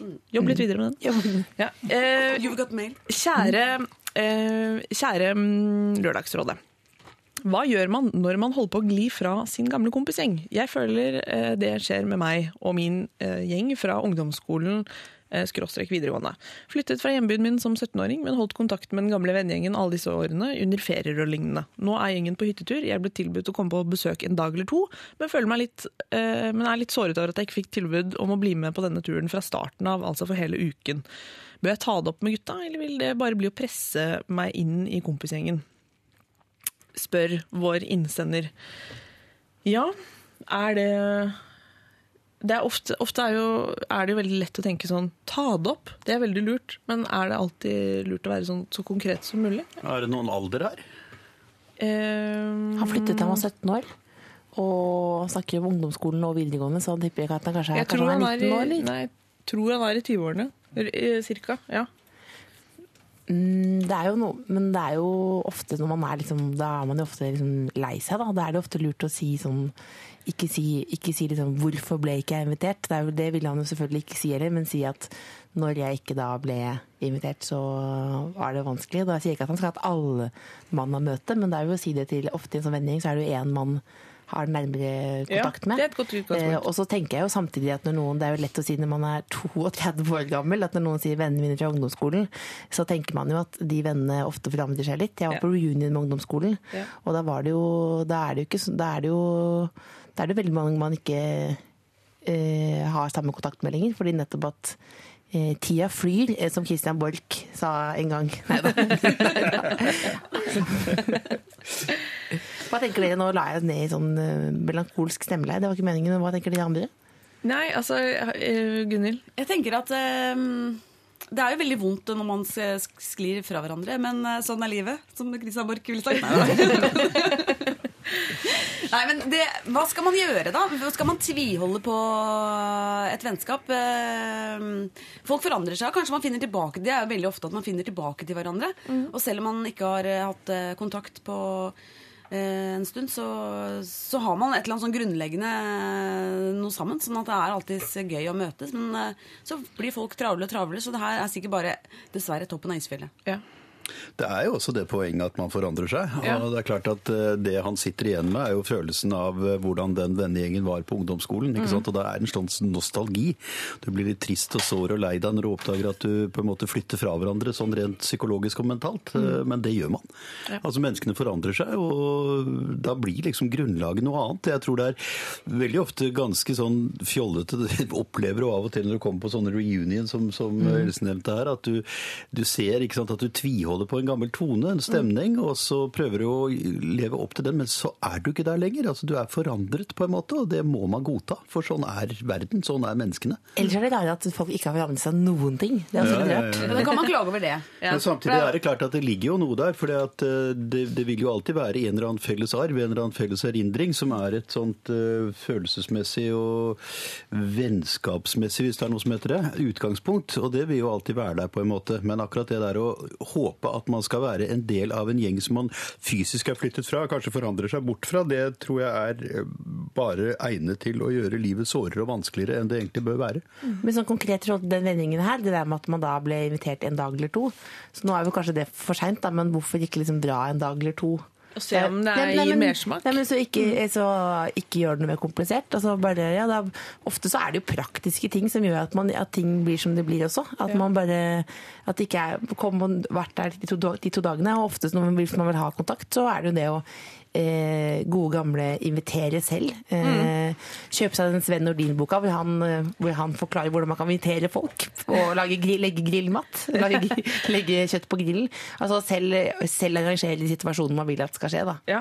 Så det Men å, liksom å bli, med, bli med en dag eller to, kanskje det er et godt utgangspunkt. Og så kan man jo se om man eh, savner dem like mye som man tror. Da. Kanskje han faktisk får dosen av eh, en dag eller to. Bli med, men uten da å tenke for mye på at Ja. jeg er jo egentlig bare invitert for å være her en dag eller to, for da Ja. blir det jo til at han møter dem med en form for forutinntatthet. Ja. Og da er liksom den der friksjonsfrie kontakten mellom mennesker, den blir da komplisert. Det blir jævlig mye spiker og greier i, i bakkeplanet. Mm. På en måte, det er, tror jeg er dumt. Men, er, det, eh, og så er jo kanskje banne i kjelka, men dette er jo en lykkesituasjon. fordi en ukes hyttetur Ja. med guttegjengen, det er jo et mareritt. Ja, det er lenge, altså. hva mener du med det? Det er for lenge. Øh, Syns du det? Det er akkurat som det er Pleier du å synes at en det, uke med guttegjengen på hyttetur er? Nei, det er jo privat. Jeg skulle veldig gjerne Å, herregud, jeg angrer. Eh, jeg- Det hadde vært fantastisk, men akkurat som, akkurat som eh, filmen liksom, You Got Mail eller Titanic eller Schindlers liste, det er alltid 20-40 minutter for lenge, altså. Tenker jeg. En uke på hyttetur er, er jo en, en god økt, så kanskje en dag eller to er eh, helt perfekt for å komme, se om stemningen er den samme. Og vent med den samtalen, eh, den, den vanskelige samtalen som du ser for deg, den kan du jo enten vente med etter den eh, hytteturen, eller rett og slett bare ikke, Pakke bort. ja, rett og slett ikke ta den. Eh, ta det i hvert fall ikke i forkant av en hyttetur. Nei, Det, det blir ikke vellykka. Og ikke gjør det i forbindelse med alkohol. Nei, ikke i forbindelse med alkohol. Så da, det betyr ikke, ikke legg den til den hytte, hytteøkta i det hele tatt. Lørdagsrådet på P3. Det var eh, Pain, Payphone med Maroon 5 og Wiz Khalifa. Maroon 5, altså, de jobber Si en gang hva til hvilket band det var og låt. Det var, det var levering, altså. ja, Maroon 5 de føler jeg jobber altså De er en slags sånn musikkens svar på, på, på Magnus Rønningen. Altså, de gjør karriere av å, å, å hooke opp med folk. Altså, Networking. Networking, som det blir musikk av. Eh, og før det var det mm, Ja, det var det. Mikael Paskalev med Jive Baby. Eh, dere, Vi har kommet til en spørsmålsrunde her i Lørdagsrådet. Så til eh, dere som sitter her i studio, altså Christian Borch, Gunhild Dahlberg og Else Kåss Furuseth. Eh, der, der lytterne kan få stille dere noen spørsmål. Ikke bare belaste dere med sine problemer, men faktisk eh, høre eh, litt med dere også. Og, Christian Borch, du har eh, gitt ut utallige bøker. Nå gruer Christian Borch seg litt. Grann. Da har du Vi ingen sitter med sånn høye skuldre. Ja. Hva er det de skal si nå? Helt, eh, helt fint. Eh, Du har gitt ut utallige bøker, du har vært redaktør i Morgenbladet, eh, og du har mottatt en rekke priser. En pris trigger nysgjerrigheten min en smule, skriver en innsender. Tekstilindustriens ærespris. er det en tungvekter av en slags best kledd-pris, eller hva? Nei, nei, å nei, nei, nei, nei, nei, nei. Det kunne jo vært det. Jeg kom på, kom på som nummer to på Dagbladets Norges best kledde mann-liste for ti år siden. eller sånt, og Da ringte min mor og sa at hun hadde hørt om dette. 'Christian, du må forstå at det er ironi. De mener ikke dette, skjønner du.' Så, det var det ikke. Nei, altså, det var, det var Jeg var, ans, jeg var kom tilbake fra London School of Economics og begynte i Norges Industriforbund, i bladet Norges Industri, og der var det slik at vi arbeidet med proteksjonismeproblemer, altså det der med å beskytte sin egen industri bak eh, lukkede nasjonale grener, som på det tidspunkt var noe som man prøvde å liksom løse opp for å åpne for produksjon i andre land. Og det jeg gjorde, var at jeg skrev tre nokså inngående artikler om at norsk tekstilindustri var i ferd med å gå til helvete. Helt sikkert pga. dette, for her kom det sant, billig bomull fra hist og billig lin fra pist, ikke sant, så videre hele veien bortover. Og dette gjorde jeg da ganske grundig, og så plutselig velger da altså tekstilindustriens forening, eller hva det heter for noen ting, og si at dette er noe av det mest analytiske og beste som er skrevet om norsk tekstilindustri på aldri den tid, så jeg fikk da denne prisen. Og det var stor greie. Altså, første gang i mitt liv, jeg var et par og ja, 4-5-26 år gammel og måtte for første gang stå og holde tale. Det husker jeg var på årsmøte i Norsk Tekstilprodusenters Forening. Og der satt det altså 500 menn iført kjole og hvitt. Oi. Og jeg satt da oppe på en æresplass og fikk eh, plutselig vite at nå skal Christian Borch takke for prisen, og det hadde jeg ikke planlagt. Men så snur ikke sant, hele den der enorme bøtteballetten som stort sett er svart fordi jeg ser den fra siden, ikke sant? det snur seg mot meg og blir hvit. Jeg har aldri i mitt liv følt meg så fortvilt. Men, men, det var det. men det var i hvert fall en pris som da stort sett jeg fikk fordi jeg hadde skrevet en artikkelserie om at nå går det til helvete med norsk tekstilindustri. Og det gjorde det, eller? Ja, det gjorde jo det. Ja, Det det ble borte mer eller mindre. Ja. Men var det en var det- fysisk pris? Ja, ja, ja. Oh, yes, ja. Eh, Nå, Ja, altså, nei, det var et uh, gullarmbånd som jeg fremdeles har, som er en kopi av et uh, vikingdronningarmbånd. Det rare var at Det jeg senere Ja. Det er sånn sagasmykke. Jeg ble altså senere, senere da gift for annen gang, og det viste seg at min svigerfar hadde fått nøyaktig den samme prisen året før, og for den motsatte grunn, nemlig fordi han bygget opp norsk tekstilindustri fra en posisjon i Italia etter krigen. Det var det. Det var tilfeldigheten. Men det var spennende. Det var, altså, det var en tungvekter av en pris, men det var altså ikke en best-pris. Der kom du på andreplass i en Dagbladet-kåring. Men be, begge Andre, deler, er faktisk. Andreplass. Og det var, nok ikke, det var nok ikke ironi, som din mor uh, trodde. Eh, Gunhild Dahlberg, du har levd i båt, og så har du syklet Norge har du, syk, du har syklet en veldig lang tur. Ja. Eh, hva savnet du mest i de periodene?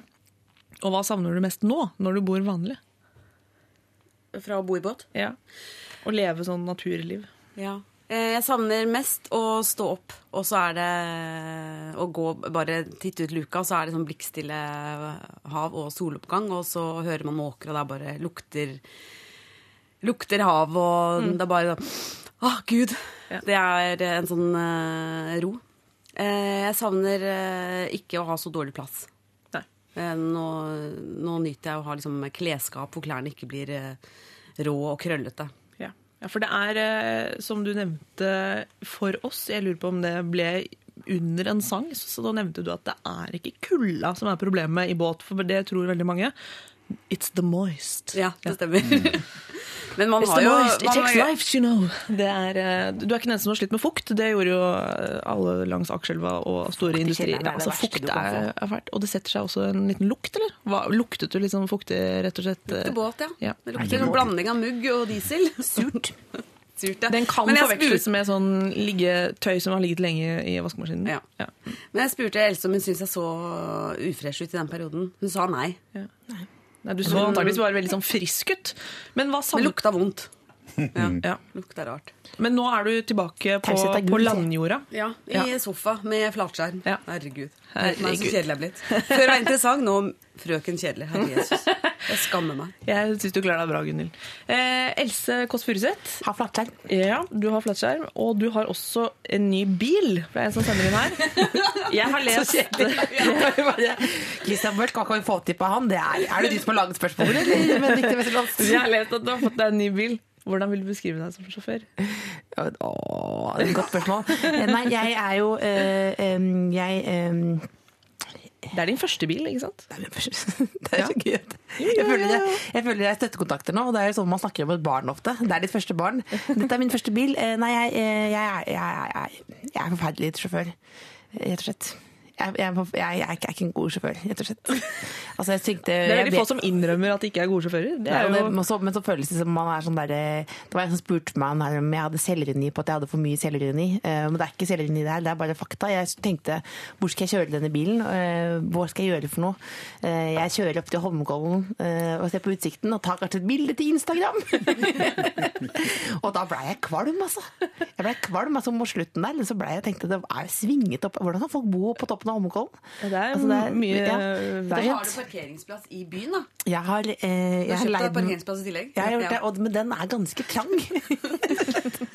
Eh, Så det er jo Jeg prøver å eh, Prøver å jobbe med det, altså, rett og slett. Men du Eh, er, er du en pusher-sjåfør eller en Nei, forsiktig def defensiv. Se, se hva som skjer. Eh, akkurat det man sier på TV 2. Ja. Den holdningen har jeg også i trafikken. Er ikke det helt riktig holdning? Ja, Det kan jo også være grusomt irriterende. rett og slett. Folk som ligger der og bare vaker. Altså Som en sånn rosin som ikke vil ut av pølsa, som bare ligger der og tar plass. Rett og slett En person som er på dansegulvet, ikke er med å danse. Tenk hvis du er line der, sånn så er det en som har på en måte to venstrebein. Som er støy da i trafikken, rett og slett. Men det er jo fantastisk, den frihetsfølelsen. jeg føler meg så lykkelig i den bilen. Ja, Altså. du gjør det? Ja, det er, Gjør du det? Jeg har allerede fått litt sånn Christine Koht-interiør. Altså, det er, altså, det er parykker. Det er liksom, jeg klarte klart å få ordentlig rotete da, med en gang. liksom. Ja. Og så har jeg kjøpt, selvfølgelig kjøpt en bil som er liksom litt for fin for meg. Hva er det du kjører? Er det ikke det man sier? Hva Jeg, kjører du? kjøpt, eh, jeg har kjøpt en uh, brukt, godt brukt uh, Audi A3. Eh, Som er, da, som er, det, da den, som er den eh, kona til en rik fyr, føler jeg. Som er på vei til spa, ser det ut som. Jeg har aldri vært på Ja. spa, for det føler jeg blir veldig Du kan kjøre til Holmsby og masse svinger. Nei, Min betale erfaring- folk for å ta på deg, det er veldig vanskelig flaut. Min erfaring er at uh, veldig ofte uh, så er det Audi-sjåfører som er sånn hissige, hi, litt sånn hissige og, og tar litt plass i, i trafikken. Altså, man kan tenke at det kanskje gjelder de som kjører BMW Ja. eller Mercedes og andre flotte biler, men det er liksom Audien. Du er blant dem nå, Else. Skiller du deg, merker du at du er- skiller deg ut i Audi-landskapet? Jeg, jeg føler jeg er en follower. Audi at jeg er veldig klassisk Ja. bil, da, men jeg føler jo at eh, det bor mye sinne meg. Ja. Det, de gjør det ikke. Det er sånn man, ikke ta det ut på veien. nei, men jeg følte at det er veldig viktig å si at det bor mye sinne seg, for det høres høres som mystisk ut. Ja. Men du er ikke plaget av road rage? Nei, det, jeg er bare utrolig konsentrert. Jeg. Ja. Utrolig konsentrert, rett og slett. Jeg skrur av musikken, skrur av mobilen, kjører Er til til stede Ja. i situasjonen. Det Ja, er men helt skrur av musikken, begynner å kjøre og oppdager at det er mye sinne i deg. Jeg synes det, det, det lover ikke helt bra. er Så kan du, er fint hvis du kunne sette opp et slags ruteprogram for hvor du har tenkt å kjøre til Nei, uken, men så jeg kjører, opp, jeg kjører, jeg kjører, øh, jeg kjører opp ofte Ofte til Holmenkollen. Nei, men ofte hvis jeg skal et sted, så, så, og så vet jeg at det, kom, det er på dagen hvor det er liksom rush og sånn. Og hvis jeg har tid dagen før, eh, og på kvelden og sånn, så kjører jeg opp ruta. Du gjør det. Rett og slett. Så Det er avslørende. jeg har på en måte kjøpt meg et problem, da. Rett og slett. På avbetaling. Men Takk for meg, jeg er der hele uka. Ja, Fortsett å kjøre, Ja. og ta ut, uh, ta ut uh, aggresjon et annet sted. Det er like greit, det, Ja, altså. Det bor ikke noe sinne i meg, Nei, altså. det er fint, ja. Lørdagsrådet. La meg lese hele melden som har kommet inn eh, her til oss i Lørdagsrådet. Det var uh, denne fyren som man kan si er eh, utro med sportsbilen, kan vi si. God morgen, her er et lite problem jeg håper dere kan hjelpe meg med. Etter at jeg nå har flyttet dit vi hadde aller mest lyst eh, til å bo, og kjøpt familiebilen vi hadde aller mest lyst på, har jeg realisert en gammel drøm og kjøpt en gammel sportsbil. Problemet er at min bedre halvdel nok ikke vil like det, og dermed har jeg ikke fortalt det ennå. Bilen er parkert et par kilometer hjemmefra, og siden jeg er glad i å skru, sniker jeg meg av gårde på morgenen med jekken under armen og mekker i vei mens solen står opp. På kveldene drar jeg på litt eh, lengre handleturer enn vanlig, og jommen ble det ikke litt overtid på jobben også, sier jeg mens jeg egentlig pusler med sportsbilen. Planen er å ta henne med på kjøretur eh, med taket nede til en restaurant, men solen lar vente på seg. I mellomtiden føler jeg meg litt eh, teit, nesten litt utro også, men på den annen side er det jo bare en bil. Em, hva bør jeg gjøre? Skal jeg fortelle om det før den er ferdig? Beste hilsener Egil. Ja, altså Egil han har jo et forhold på si, med en kald eh, metallisk eh, sak. Med, med en forhåpentligvis pulserende motor etter hvert. Han kommer kom jo altså hjem eh, uten eh, leppestiftmerke på snippen og duften av parfyme. Han stinker altså dingsel. Nei, det gjør han ikke, selvfølgelig. Han lukter bensin og olje Antagelig. og møkkete under fingrene, så det er ikke sikkert at han eh, på en måte opparbeider sånn veldig mye sjalusi, vil jeg tro. Nei, la oss håpe det. Men holder han det hemmelig fordi at ikke hun liker det, eller holder han det hemmelig fordi det er en overraskelse? Det er liksom to forskjellige ting. Ja, han holder den nok hem... Jeg tror Han han, later som det er fordi det er en overraskelse, men det er egentlig fordi han ja. ikke tør å si det. Det er kanskje litt sant, det. Han skriver jo riktignok eh, at eh, at han har lyst til å overraske henne med en, en helt sånn ferdigmekka bil. Det høres ut som han koser seg så mye som det, så jeg ville bare mekka ferdig skjul. Yes. Du tror han må jo ha en forestilling om at hun kommer til å bli glad. Ja, Altså, det tror jeg også. Han må jo kjenne sin kvinne såpass godt at han vet at hun blir begeistret. Altså, når han kommer dundrende opp med høl i lydpåta, taket av ikke sant, og sier 'vrom, kjære, kom', så vil hun da være med. Men ofte i KK eller de blå sidene hjemme og sånn, Ja. så sier ofte kvinner det var ikke det han gjorde, det var det at han løy for meg som var det vanskelige. det kan jo være også at hun blir helt sånn supersveket, men samtidig, da er jo hun litt gal kanskje, eller jeg vet ikke. Altså det er en gammel Jeg tenker umiddelbart litt sånn eh, Hvis det hadde vært meg, da, eh, så er det jo det å kjøpe en så stor ting um, uten å ha snakket om Ja, så du kunne om felleskontoen? Ja, litt felles kan man, kan man bli sur selv om bilen er, blir veldig fin? Eller er det ikke greit? Hva sier du, Gunnhild? Kunne du kjøpt en båt, da, i ditt tilfelle, på si, som du drev og pusset på etter jobb og, og før jobb, og, og holdt skjult? Ikke hvis jeg ikke visste at kjæresten min var 100 eh, hadde blitt superglad for det, og også delte båtinteressen. Ja. Eh, når det gjelder, Hvis jeg snakker fra meg selv, og Ja. hvis eh, kjæresten min hadde holdt på med et sånt bilprosjekt, og big surprise, jeg tar deg med på Villa Malla et eller annet i en sportsbil Ja. Jeg vet, og, så jeg i tillegg hadde vært sur kanskje et halvt år Ja. fordi at han aldri var hjemme, og at jeg måtte gjøre masse ting. Og vi måtte spise fiskepinner et halvt år fordi at han skulle ha råd til reservedeler. Ja. Så tror jeg hadde blitt ganske sur. Ja. Jeg, jeg, jeg er ikke bilinteressert, så hun må være dritbilinteressert. Og hun må få lov til å bruke bilen. Det må bli en felles uh, eie. Um, Det er ganske tydelig at hun ikke er det, for han innleder jo med å si at problemet er at min bedre halvdel nok ikke vil like det. Ja. Eh, og så er det nok antageligvis den erkjennelsen som har fått han til å tenke sånn Men hvis jeg gjør den helt ferdig og inviterer henne med på en restaurant, da kanskje hun liker det. Ja, han Ja. for seg Men det kan jo være denne livsløgnen her gjør han til litt mer sånn glad og livsbejaende mann. Ja. Altså, det er jo bedre enn å, enn å ligge med naboen. Det er Det jo mye er det jo. bedre hvis, det er no, hvis han må ha en eller annen sånn utroskapsventil, eller hva man skal kalle det. Noe, Noe på si. Han må ha på si, ja. Så er jo det mye bedre å ha den bilen.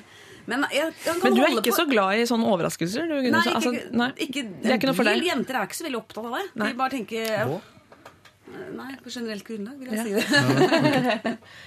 Hvert fall, altså, Hva tenker du, Christian Borch? Nei, Jeg har akkurat motsatte erfaringer. for Jeg Ja. gikk liksom med en idé om at jeg skulle kjøpe en sportsbil, og gjorde det. En ganske rå en. En Oi. helt ny bil. Og hadde med min kvinne for å se på dette, og hun ble helt tett. Hun er ikke spesielt interessert i bil, men det var noe med hele, hele greia. Så hele ekvipasjen, hele Ja. lyden av motoren, hele setene det lå på, akselerasjonen, alt dette her som gjorde at hun syntes den ble veldig stas. Altså. Så det var liksom, ja, det ble et felles greie.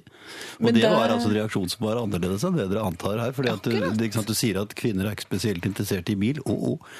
Ikke det. Det er ikke hun heller, men altså, gud skal vite hun ble det. Den Ja. var så vakker. Det er interessant. Da har jo du egentlig, men du valgte å involvere henne i, eh, i prosessen, da. Ja, ja. Det var kanskje det Christian Borch, som gjorde det veldig vellykket også. Altså, kan det være at, jeg føler kan det være at han tillegger kona noen verdier. Hvis hun visste hvor viktig det var for ham, så kan det være at han syntes det var greit. Men det virker som han elsker det der med å snike seg ut og sånn. Det er jo et er ganske deilig å ha noen hemmeligheter. Han har et overraskelsesmoment, for jeg tror at han egentlig vet at hun blir begeistret den dagen han kommer rullende okay. opp. Men ja. det høres jo sånn ut. ikke sant? Han eh, sier at solen ikke har vært der. Det er jo synd. Men Ja. altså, hvis han har en ordentlig sportsbil, så kan han kjøre i hølja regnvær, bare han kjører fort nok. Det, det, det er eh, ja. Ja, er- jeg er fortsatt usikker, altså. Jeg tenker han kan holde på hvis, hvis han vet at hun blir glad, Ja. så kan han holde på. Men, han må, hvis, men hvis det blir gjentatte krangler Mm. og konfrontasjoner, og han må ljuge liksom eh, Han har ikke så mye mer tid, mener du nå? Ja, da, da må man kanskje si hva det dreier seg om. Ja. Før Og den så- men helt han må jo få lov til å holde på hobbyen sin. Ja. Så, så gal er vel ikke hun dama. På, det kan man aldri vite. Eh, Men sånn på generell basis, eh, har dere noen eh, tanker om hvor dyr hobby kan man dyrke på si? Eh, Jeg synes Det viktigste er at den hobbyen er et det, det er bedre at han holder på med sportsspill at han driver og hogger ved eller noe. Hel ved, som folk er gærne til, liksom. Det er, liksom- det er jo mye mer liksom spenstig, da. Men det er jo helt Jeg ville foretrukket den vedhogginga. Vil du det? Ja. Ja, Det er veldig spennende hvordan man legger de ulike typene opp. trenger oppå ikke hverandre. høre om det. Jo, men Nei, Folk ja. som hogger mye ved, de prater mye om det også. Her er fall faren min. Ja. Det er veldig interessant. Altså, hele Ja, men det er veldig bra trening. Hele vedkonseptet. Men i, alle, i alle parforhold så er det jo altså Nå har det blitt veldig vanlig for eksempel, å dyrke en, en eh, golfinteresse. Golf er, er tidkrevende. Altså En runde golf det er ikke sånn jeg tar en tur på sykkelen, eller Da blir du borte i en syv-åtte timer. Ja. Eller gjerne legge alle ferier til en golfresort, eh, osv. Hva, har, har dere noen tanker om Må man ha noe felles, eller kan man virkelig gå inn i sånne særinteresser? Du kan også spørre om ikke det er nødvendig for uh, i et sånt parforhold at man har interesser som gjør at man Ja. Mm. utvikler seg individuelt, og ikke bare, bare blir sånn helt uh, samkjørt på en måte, bare tar hensyn til hverandre. For da avgir man en del av sin egen personlighet. Det er Mm. ikke den man egentlig var ikke sant, når man traff hverandre. Så jeg tror det kan være ganske mange verdifulle ting her. Ja. Økonomien er vanskelig å diskutere, for det kommer jo an på hvor god økonomien er på forhånd. Hvis den er sånn at han bruker liksom absolutt rubb og rake som egentlig skulle gå til skolegang for barna og ny sofa og sånt, og så blir det tull, altså. Det, Da er det men han høres ut som han har um, Høres ut som han har kontroll. Ja, det virker sånn på meg i hvert fall. Ja. Eh, Christian Borch mener at eh, kona kommer til å bli glad. Gunhild er litt mer eh, skeptisk. Eh, Else, hva, hva tenker du? Hvis jeg skal liksom velge, Er du enig med Gunhild Dahlberg eller Christian Borch? Beklager, altså, Gunhild. Jeg går for Borken. Jeg går for Borken. Men det betyr hva Egil skal gjøre. Han, han kan ikke vente altfor lenge med å røpe hva han holder på med på både morgen og kveld. Rulle ut bilen, rulle ut glavan, Ja. som de Han sier. bør, han bør nok få komme ut av skapet, Ja. eller få bilen ut av skapet eller bilen ut av garasjen relativt fort. tror jeg. Nettopp. Og så får han bare håpe på det beste, for han kommer jo ikke til å kvitte seg med denne bilen før han har sett reaksjonen til sin kone. Da vet han at den går. Nei, ikke foreløpig. Nei, for jeg hadde en, jeg hadde en eh, nabo som kom hjem med en bil som han hadde kjøpt til løse deler i Storbritannia, en fra 1920. Og den satte han sammen over tre år. Og det Ja. var stor spenning da han endelig skulle rulle ut. Den rullet ti meter, og så sa det fupp! Og så gikk den ikke mer, og så brakk forstillingen sammen samtidig som motoren sluttet og sånn. Og det, det kan også skje, altså. Hva sa kona da? Nå skilles vi. Eller hva sa hun? Jeg hørte aldri noe mer fra dem. Nei. De forsvant i disen. Det er viktig å huske hvem, det er, hvem er det hyggeligste å våkne opp med. Er det en bil, eller er det et menneske med et bankende hjerte? ja, det kan man jo kanskje diskutere. Altså For de som er virkelig interessert, så, så kan det jo være opp til diskusjon, faktisk. Det er, det er jo noe i nærheten av hud i en fin bil også, faktisk. Det er det veldig dyr hud. Ja, absolutt. Kalveskinn. Kanskje til og med bedre, kanskje til og med bedre lukt. Um, Egil, du må få, få ut bilen ganske kjapt. Og, og eh, denne hemmeligheten kan ikke vare evig. Og så håper vi jo at eh, du får til å kjøre den ut av oppkjørselen og ned på en hyggelig restaurant, og at det blir vellykket. Og det må være en god restaurant og ikke Malix-aktig. Ja, ikke ikke en kebab. Nei, nei. Gunhild er litt streng der. Lørdagsrådet A Million Dollar Signs med norske Jenny Langlo. En liten eh, superstar der, kanskje. Og før det så var det One Song med Envy. Vi er inne i siste timen, som vi kan kalle det, her i Lørdagsrådet. Den blå timen. Den er kanskje blå. Den er i hvert fall solfylt her på Marienlyst. Eh, temperaturen har steget. Kaffen er eh, konsumert. Og vi, er, eh, vi sitter her, jeg, Benedicte Wesselholst, Else Kåss Furuseth, Christian Borch og Gunhild Dahlberg. Vi skal diskutere hvor mye man kan pynte på sannheten eh, i neste problem. Eh, hei, Lørdagsrådet. Jeg og venninnene mine var nettopp i Syden, og der prøvde vi ut et lite eksperiment for å sprite opp samtalene. Vi var nemlig litt lei av å fortelle de samme tingene om oss selv hver gang eh, noen spurte hva vi drev med, og derfor begynte vi å si F.eks. at vi var en gjeng fiskere, slaktere og lignende. Vi skrøt ikke på oss noe spesielt, eh, som at vi var hjelpearbeidere i Syria eller lignende. Det var heller ikke noe som skulle gi oss medlidenhet eller, eh, eller lignende. Dette var uansett veldig morsomt og satte i gang mange artige samtaler. I Syden er vel dette greit, siden vi ikke kommer til å møte folk derfra igjen. Men hva tenker dere om å gjøre noe tilsvarende i Norge? Har prøvd det ut når jeg blir sjekket opp av menn jeg ikke er interessert i, og får meg da en liten latter etterpå. Men om jeg gjør dette, og så viser det seg at fyren egentlig er kjempekul, hvor langt kan jeg strekke min lille hvite løgn uten at han tror jeg er helt gal når jeg avslører det?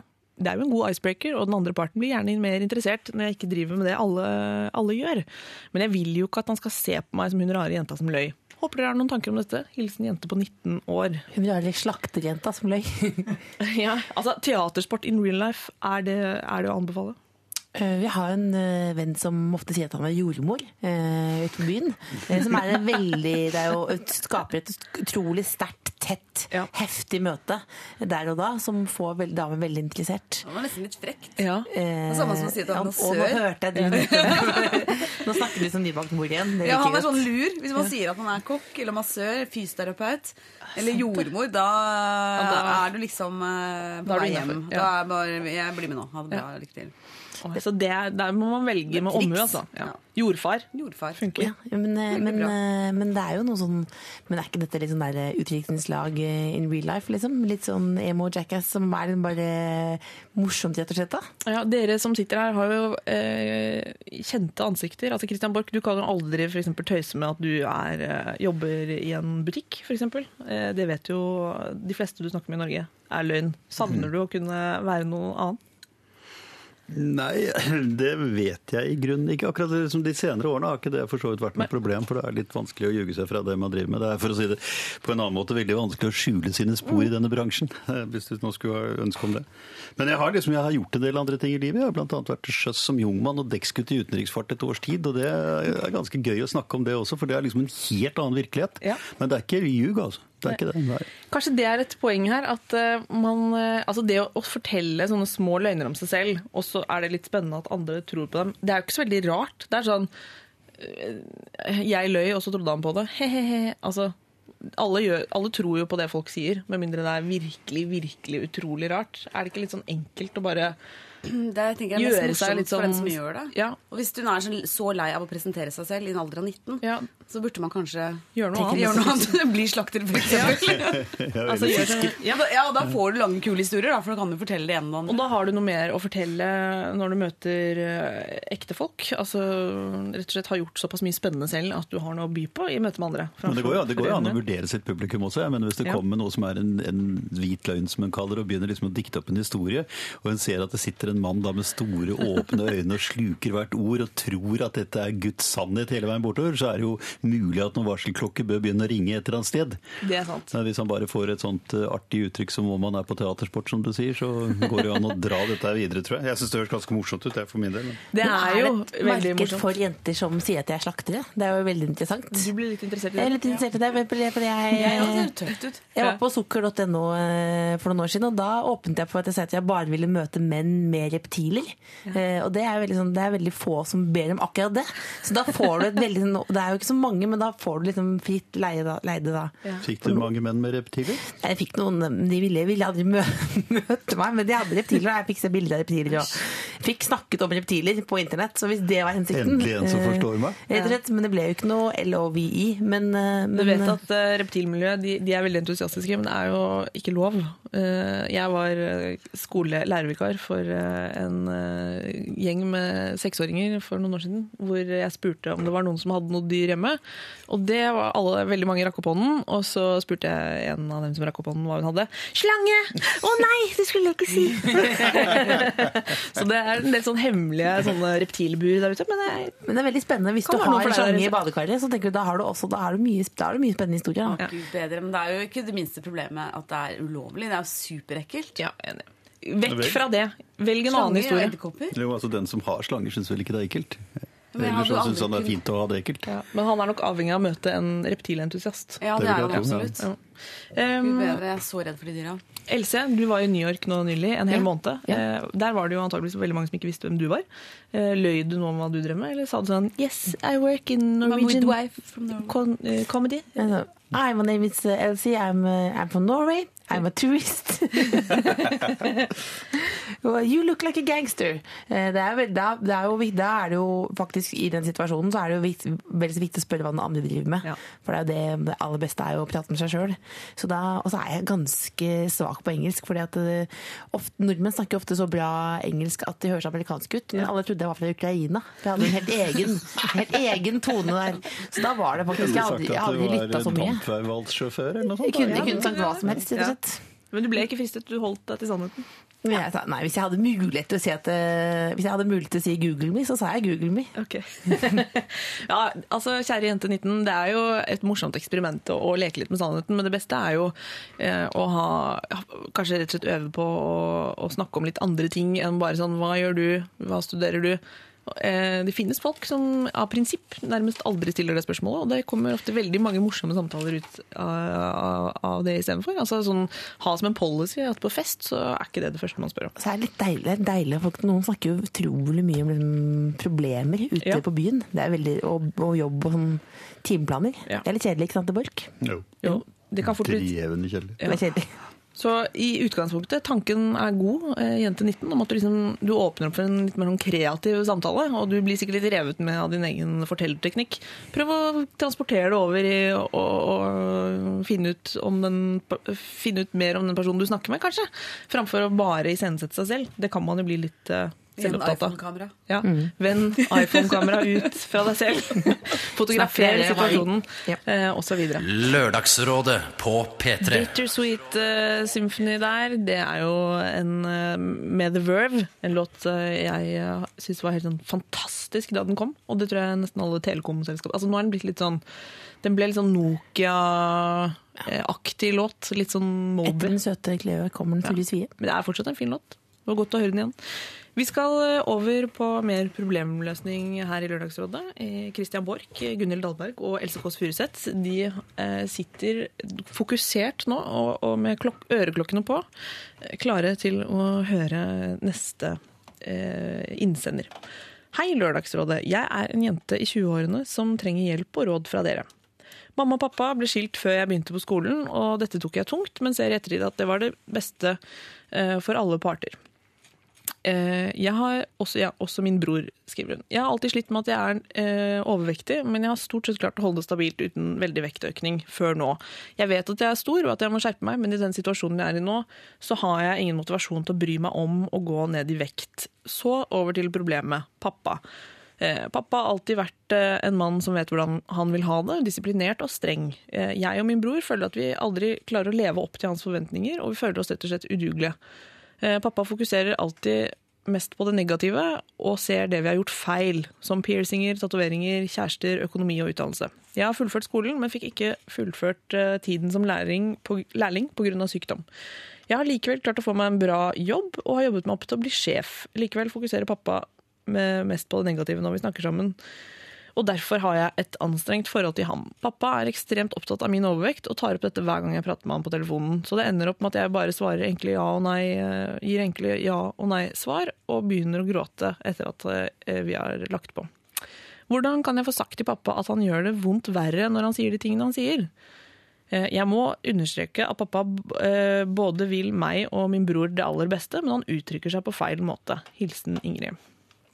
Altså en far som vil datteren vel, får det ikke helt fram. Eh, Det er jo vanskelig å slanke andre. Det er jo et element eh, Altså, hvordan kan man eh, Hva skal hun si til sin far for at han kan liksom gå inn på en annen måte?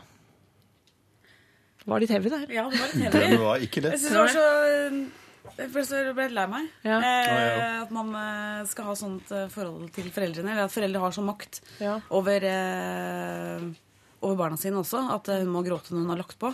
Men jeg synes at det er, eh, hun er jo inne på det når hun liksom tenker at hun har lyst til å si fra. i hvert fall. Og da tenker jeg at da eh, vil hun klare å si fra. Eh, kanskje ikke i dag, og kanskje ikke i morgen, men eh, kanskje om en stund. Eh, og da eh, vil jo han forhåpentligvis ta henne på mm, på alvor, da, og ikke fortsette å si at ja, men jeg har et poeng, du må slanke deg. Eh, og, men da kan, må du kanskje si til faren sin at hun vet. Altså hun eh, skjønner hva han sier, at Ja. hun tenker på det, men det er ikke så lett Ja. eh, som han tror. Kanskje hun kan involvere broren sin også. Det hørtes ut som de hadde et godt forhold. Ja. At broren kan snakke med far og si at eh, vi må høre på henne nå, eller Han høres jo eh, I utgangspunktet så kan det jo virke veldig hjerteløst å, å ta opp eh, andres overvekt, men det virker jo Hun understreker jo at han egentlig bare vil vel, men at dette bærer litt galt av sted. Eh, for, eh, er det noen som tenker at det er feil i det hele tatt å, å bry seg om at hun har blitt veldig overvektig? Det er jo, han gjør vel det et, i- etter beste mening, Eh, men, men det er jo lite konstruktivt i lengden. Nå er han det å på en måte på et eller annet, det er jo på en måte invaderende, og det går jo veldig på bekostning av det andre i, i forholdet deres. Da. Mm. slett, for da blir det jo bare det det handler om, rett og slett. Mm. så det, og det, vi må jo på en måte skille de to tingene, fordi at det er jo Altså, faren kan ikke være med liksom, på tredemølla, liksom, så det er jo, må, må jo eh, si fra på et eller annet tidspunkt. Uh, Ja. ja. Det høres for meg ut som om hun bør gjøre noe som får faren til å tenke fundamentalt annerledes. fordi at Hun sier jo at han var veldig autoritær helt fra starten og vet hva han vil og sier at sånn vil jeg ha det og det skal gjøres på den måten osv. Det høres ut som en svakhet fra farens side. Altså at han ønsker å stable verden på beina slik som han vil at verden skal være, ikke slik som den er.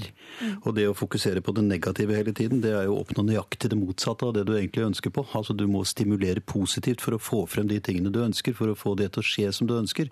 Ved å fokusere på det negative slik han gjør, så må det jo gå gærent. Så om han vil deres beste, vel, det kan sikkert diskuteres, egentlig. Dette høres ut som en voldsom egotripp fra farens side, så vidt jeg kan se. Ja, Jeg, vil, jeg vil tro at Skal hun si fra til ham, så må hun liksom på en måte gripe hele den grunnleggende holdningen hans eh, et eller annet sted i strupen, og så må hun si til ham at pappa, dette er jeg møkk lei av. Du kan ikke bare fortelle meg hvor tjukk jeg er, eller hvor dum jeg er, eller noe sånt. Det gjør jo at jeg blir bare verre og verre og mister selvtillit. Det må du jo forstå på en eller annen måte. Hun behøver kanskje ikke gjøre det i form av konfrontasjon, men det forekommer meg at det er nødvendig. ja.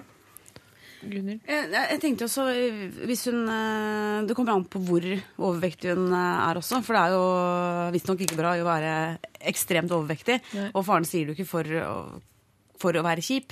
Nei. Og så sier hun at hun ikke har motivasjon eh, til å slanke seg nå. Men eh, kanskje hun kan, hvis hun er såpass overvektig at hun vil ha Helseutbytte av gående, kanskje? ja, ja, at hun vil, kan få hjelp til det også, så kan man jo oppsøke steder hvor man, som eh, folk som kan motivere deg, mm. sånn at du går ned i vekt eh, på sikt. Eh, Ja. Og det er jo ikke, er ikke for at faren skal ha en tynn datter, eh, kanskje at han klager. Det er kanskje for at det, at det er et problem også. Det er jo å stille faren spørsmålet hva er det du egentlig eh, Hva er det du holder på med? Hva handler dette om? Eh, Dette handler jo kanskje veldig mye som Kristian var litt inne på, litt om faren.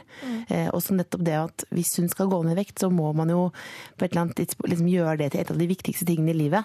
Eh, Og akkurat nå så er jo faren med på å ødelegge det. fordi at nå handler jo den vekten om faren. Og det handler jo om hennes liv og at hun skal ha det bra. Så da må hun jo på en måte rydde han unna. Eh, Og så kan hun konsentrere seg om det, om det liksom er jobben eller om det er å gå ned i vekt. Derfor få ham liksom bort fra det. Hun må finne motivasjon i noe annet enn å please faren. Ja, For da går det ikke. For da vil hun bli sint, og så vil hun gi opp. Ja. Eh, går det an å gå inn på, på en måte og si, eh, ikke fullt så konfronterende som Christian kanskje var inne på, da, men altså, hvis man sier sånn 'Pappa, jeg, jeg er veldig glad i deg, og jeg bryr meg om hva du mener og sier', men det fungerer ikke for meg slik det er nå, med at du tar opp vekten min hele tiden. Jeg trenger mer støtte og Kan man være så konkret? Eller- ja, Absolutt. synes absolutt. Eller- altså, på en eller annen måte må jo denne mannen forstå at han kan ikke oppnå noe ved å fokusere på det negative. Det han da gjør, er at han forsterker et problem. Han, han dimensjonerer det opp istedenfor ned. Og han tenner ingen motivasjon hos henne med den metoden. Og det er det bare én måte å gjøre noe med, tror jeg, og det er at hun reagerer og viser ham at dette sårer henne veldig. Ja. Så det fungerer altså ikke å liksom gå rett på problemet. Altså. Det er dumt, det. Altså, det har jo tydeligvis vært slik at faren har kjørt denne linjen fra, fra han og moren ble skilt, altså Ja. siden før denne damen gikk på, begynte på skolen. Og det betyr jo at han dyrker jo en slags autoritær form for oppdragelse, Ja. som da etter mine begreper er helt borti veggene, på en måte, fordi det altså oppnår Du, du, du, du får en motsatt effekt ut av det, det du egentlig ønsker. Og så er det Ja. Det kommer kanskje an på hvor overvektig hun er òg. Jeg tror at eh, hjemme hos oss så har vi en annen eh, definisjon av hva som er overvektig i forhold til f.eks. For hjemme hos Anette Stai, eh, som er supermodell. Så hvis faren tenker liksom du har to kilo for mye, og maser om at hun må ned til å være sånn radmager, så kan hun si eh, 'klapp igjen brødboksen, pappa'. Jeg er helt fin, faktisk. Ja. Det er et alternativ. Hvis hun er eh, I og med at hun definerer seg At hun er klar over at hun er overvektig, så antar jeg at hun er større enn det. Men er det et alternativ altså Kan hun snakke litt mindre med den faren her? Må hun ha så mye kontakt med han i det hele tatt? Altså, han ringer jo stadig vekk. Men det er jo men, øh, det er litt vanskelig å styre. og samtidig er det øh, for en far å være litt sånn hobbypsykolog, så kan det på en måte hans være liksom hans eh, liksom forvridde måte å vise kjærlighet på da, eh, etter den skilsmissen er på en måte dette her. At, eh, at han ønsker henne det beste. Og da, da Å kutte et forhold er jo veldig Det vil hun vel egentlig ikke. Nei. Jeg er interessert i altså Er det sånn eh, Det er jo en litt sånn øyeåpner for mange, egentlig, hvis man er veldig opptatt av at noen skal slutte med noe, eller, eller altså, i hans tilfelle ønsker at hun skal gå ned i vekt, eh, hvis det er prekært. Altså, man kan jo f.eks. ønske veldig sterkt at noen skal slutte å røyke, f.eks. Er det sånn Det er rett og slett litt sånn mislykket strategi, kanskje, å bare si sånn slutt å røyke, slutt å røyke. Må man rose altså Jeg ble litt interessert i det, Christian Borch. Det virket som du hadde en slags filosofi om at Ja, det å fokusere det- på problemet ikke tror- faktisk virker. Nei, det tror jeg ikke det gjør. Altså, jeg, tror, jeg tror ikke du oppnår noe ved det. fordi at du, du skaper jo bare en form for skyldfølelse, en form for Ja. trass, en form for motreaksjon. Men hvis du greier å finne en måte å stimulere på Akkurat Ja. det med røykingen er liksom litt komplisert, tror jeg, fordi at det er så mye annet rart. Men sånn som i dette tilfellet vi har å gjøre med her, så er det Ja. klart at han, eh, han kan jo velge helt andre metoder hvis han ønsker å oppnå at hun går på en slankekur, som, som er hans poeng. Å utøve dette i form av en autoritet er, er skadelig og negativt. Altså Det virker helt mot sin hensikt. Og det er jo ganske tydelig. også. det kan hun vekke ham til å forstå ved å vise ham at hun blir såret over det, og at dette virker helt motsatt på henne. At hun bare blir misfornøyd med seg selv og negativ i reaksjonen. Hun, han ødelegger jo deres forhold ved å være så opptatt av vekten hennes. Ja. Det er det ikke verdt. Og det med vekten er jo også bare en del av det, åpenbart. For han er jo tydeligvis veldig autoritær i sin Ja. måte å opptre overfor barna på. Hun må involvere broren og kanskje eventuelt en ny kone til eh, faren også. Kan de være hennes støttespillere? Og så må hun kanskje skille mellom vektproblemet og pappaproblemet. Altså at hun tar det med faren eh, på én kvote, og så det med vekten er jo noe hun kan ta kontroll over selv, uten eh, å finne motivasjon i noe annet enn maset fra faren. Det vil være et stort poeng.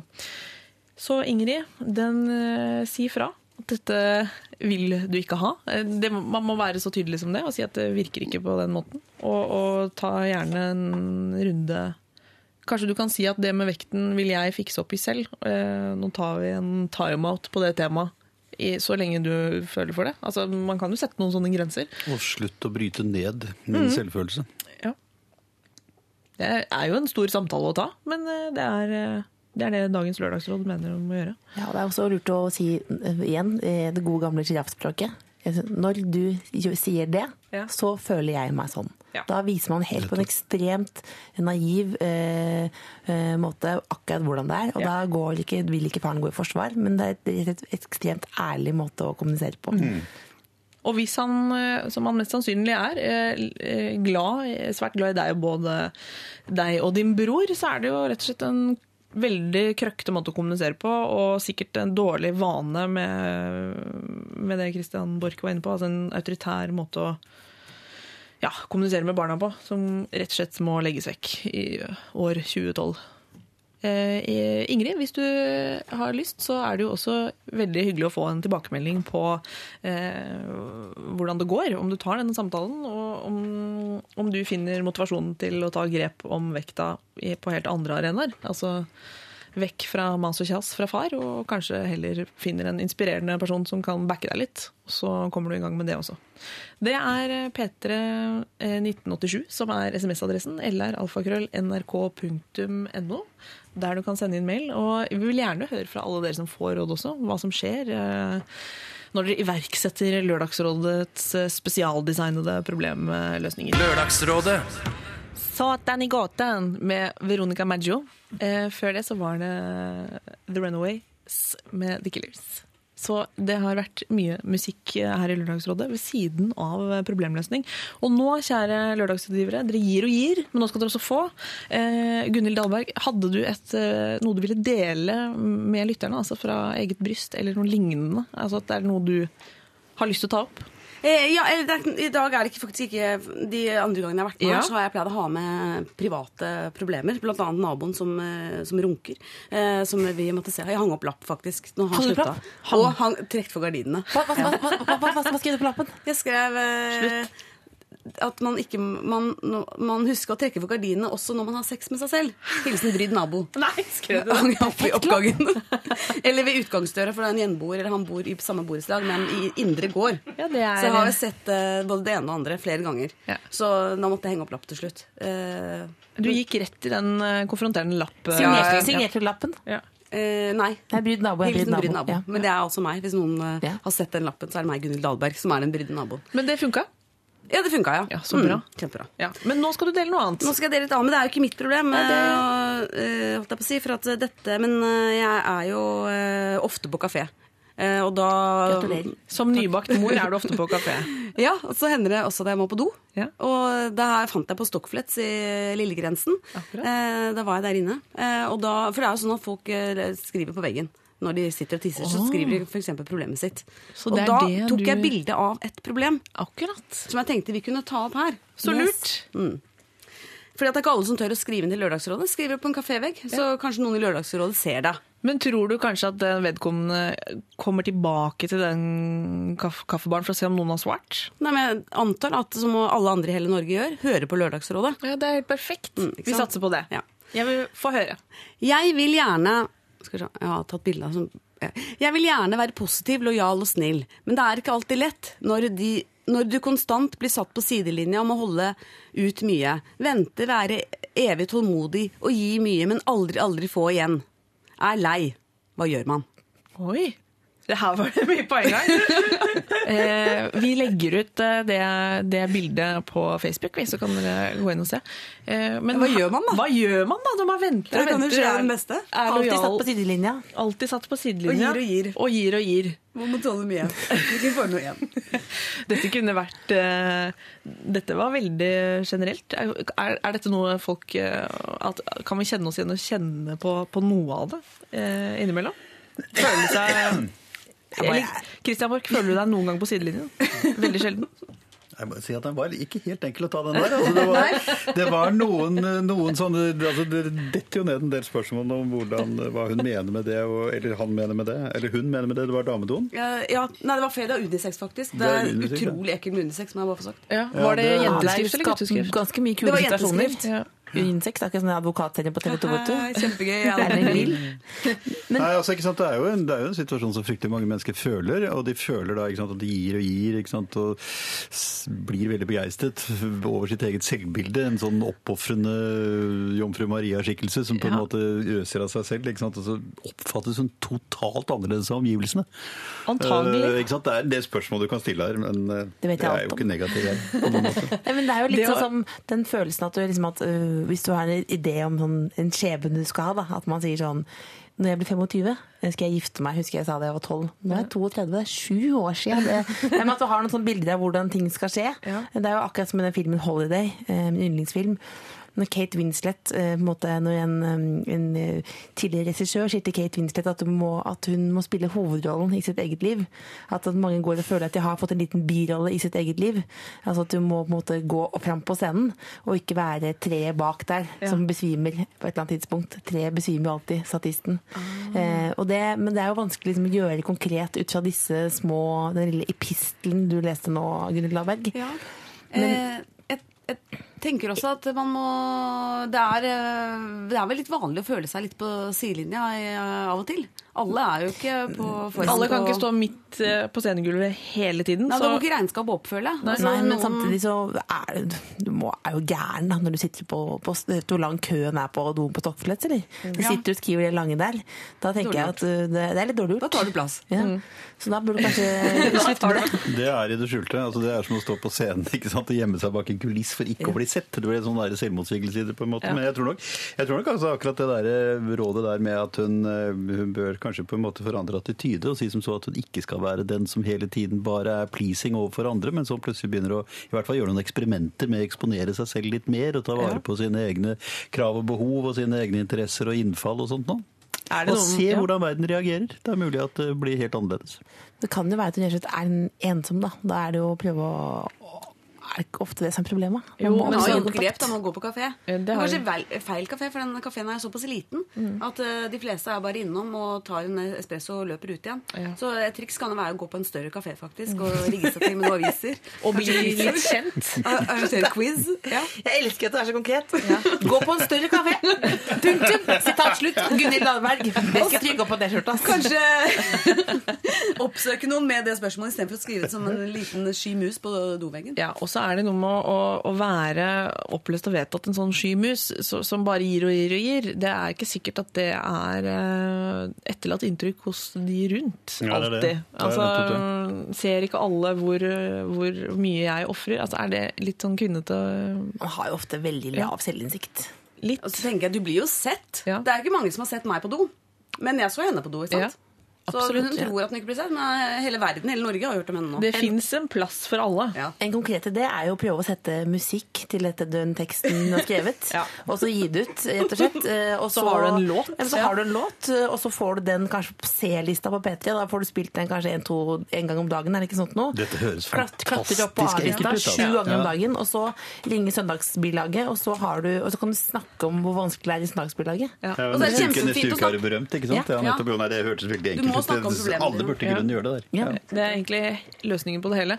Eh, Du som eh, hører på, eh, gå inn på Facebook-siden vår på Lørdagsrådet, og kanskje du har noen råd du har lyst til å gi. Eh, Bildet ligger ute.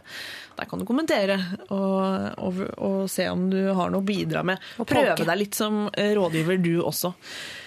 Eh, vi skal høre litt på ja, ja, Norges hotteste dame blir hun jo kalt, men fader heller. Hun er en kvinnelig, høyere og litt sånn mer krøllete utgave av Prince himself. Eh, On It med Maja Vik. Lørdagsrådet på P3. Det var Maja Vik, det, med On It. Eh, spennende låt, veldig funky. Eh, kan ikke si noe annet enn det. Eh, hun er jo en eminent bassist. Nå har hun forlatt eh, Monté for å jobbe videre med egne prosjekter. Det synes jeg var lurt. Ja.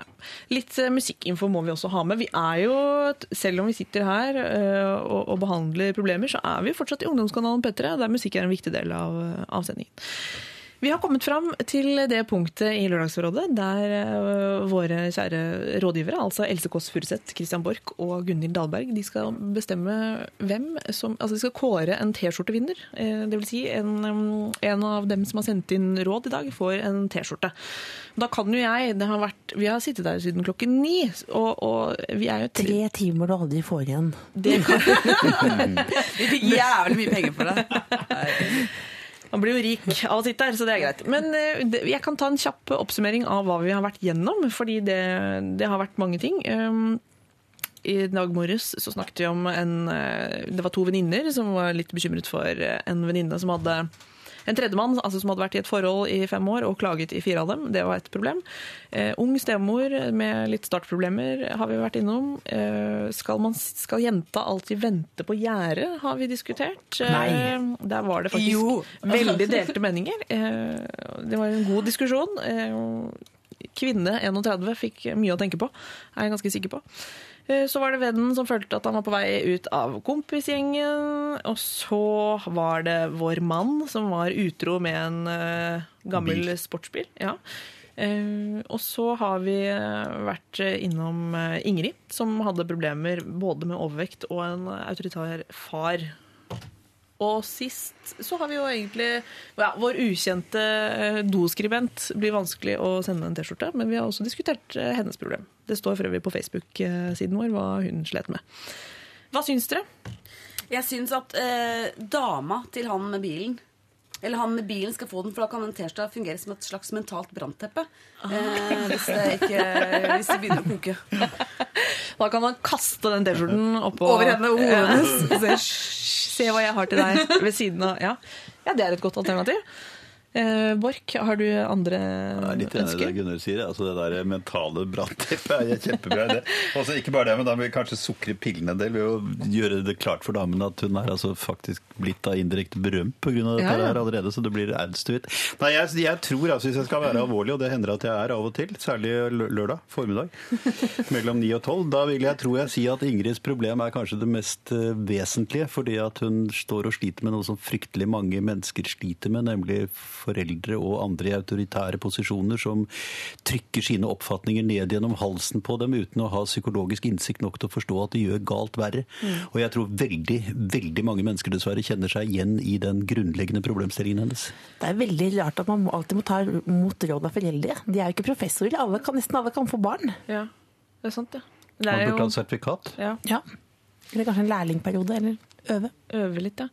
Eh, er, hva tenker du nå, Gunhild? Er du med på Nå, er, nå er det virker det som det er to som, som stemmer for Ingrid her. Ja, da skal ikke jeg være vanskelig. Nei. Det Men, var veldig eh, mange gode kandidater, kan vi si da. Skulle Ja, gjerne sendt eh, en T-skjorte til hele gjengen. Men da blir, det, da blir det Ingrid med eh, litt eh, Som har lyst til å gå ned i vekt og få et bedre forhold til faren sin. Og hun får en T-skjorte. Det kan fungere som en liten trigger til eh, en slags motivasjonspakke fra P3. Ja, ta den på seg når hun snakker med ham. Veldig lurt. Og da kan han også laste ned podkasten og høre hva Christian Borch mente om oppdragelsesmetodene. Eh, tusen takk til dere, dagens rådgivere. Det vil jeg si. Dere har brukt hele kroppen, altså hjerte, hjerne og kjeftamang for å, å lage, bidra til en problemfri eh, lørdag her i Norges land. Det Tusen var en takk. ære. Kjempegøy. Dere er litt Hva varme i syns du, toppen. Koste du deg altså? Ja, jeg syns det var spennende. Det er, det er jo sånn litt annen situasjon enn jeg vanligvis er vant til. Jeg har Det aldri gjort dette må være lov å si. Men det var hyggelig å ha både Borch og Gunhild Dahlberg og Else Kåss Furuseth her i Lørdagsrådet. Her får vi Green Day med Oh Love.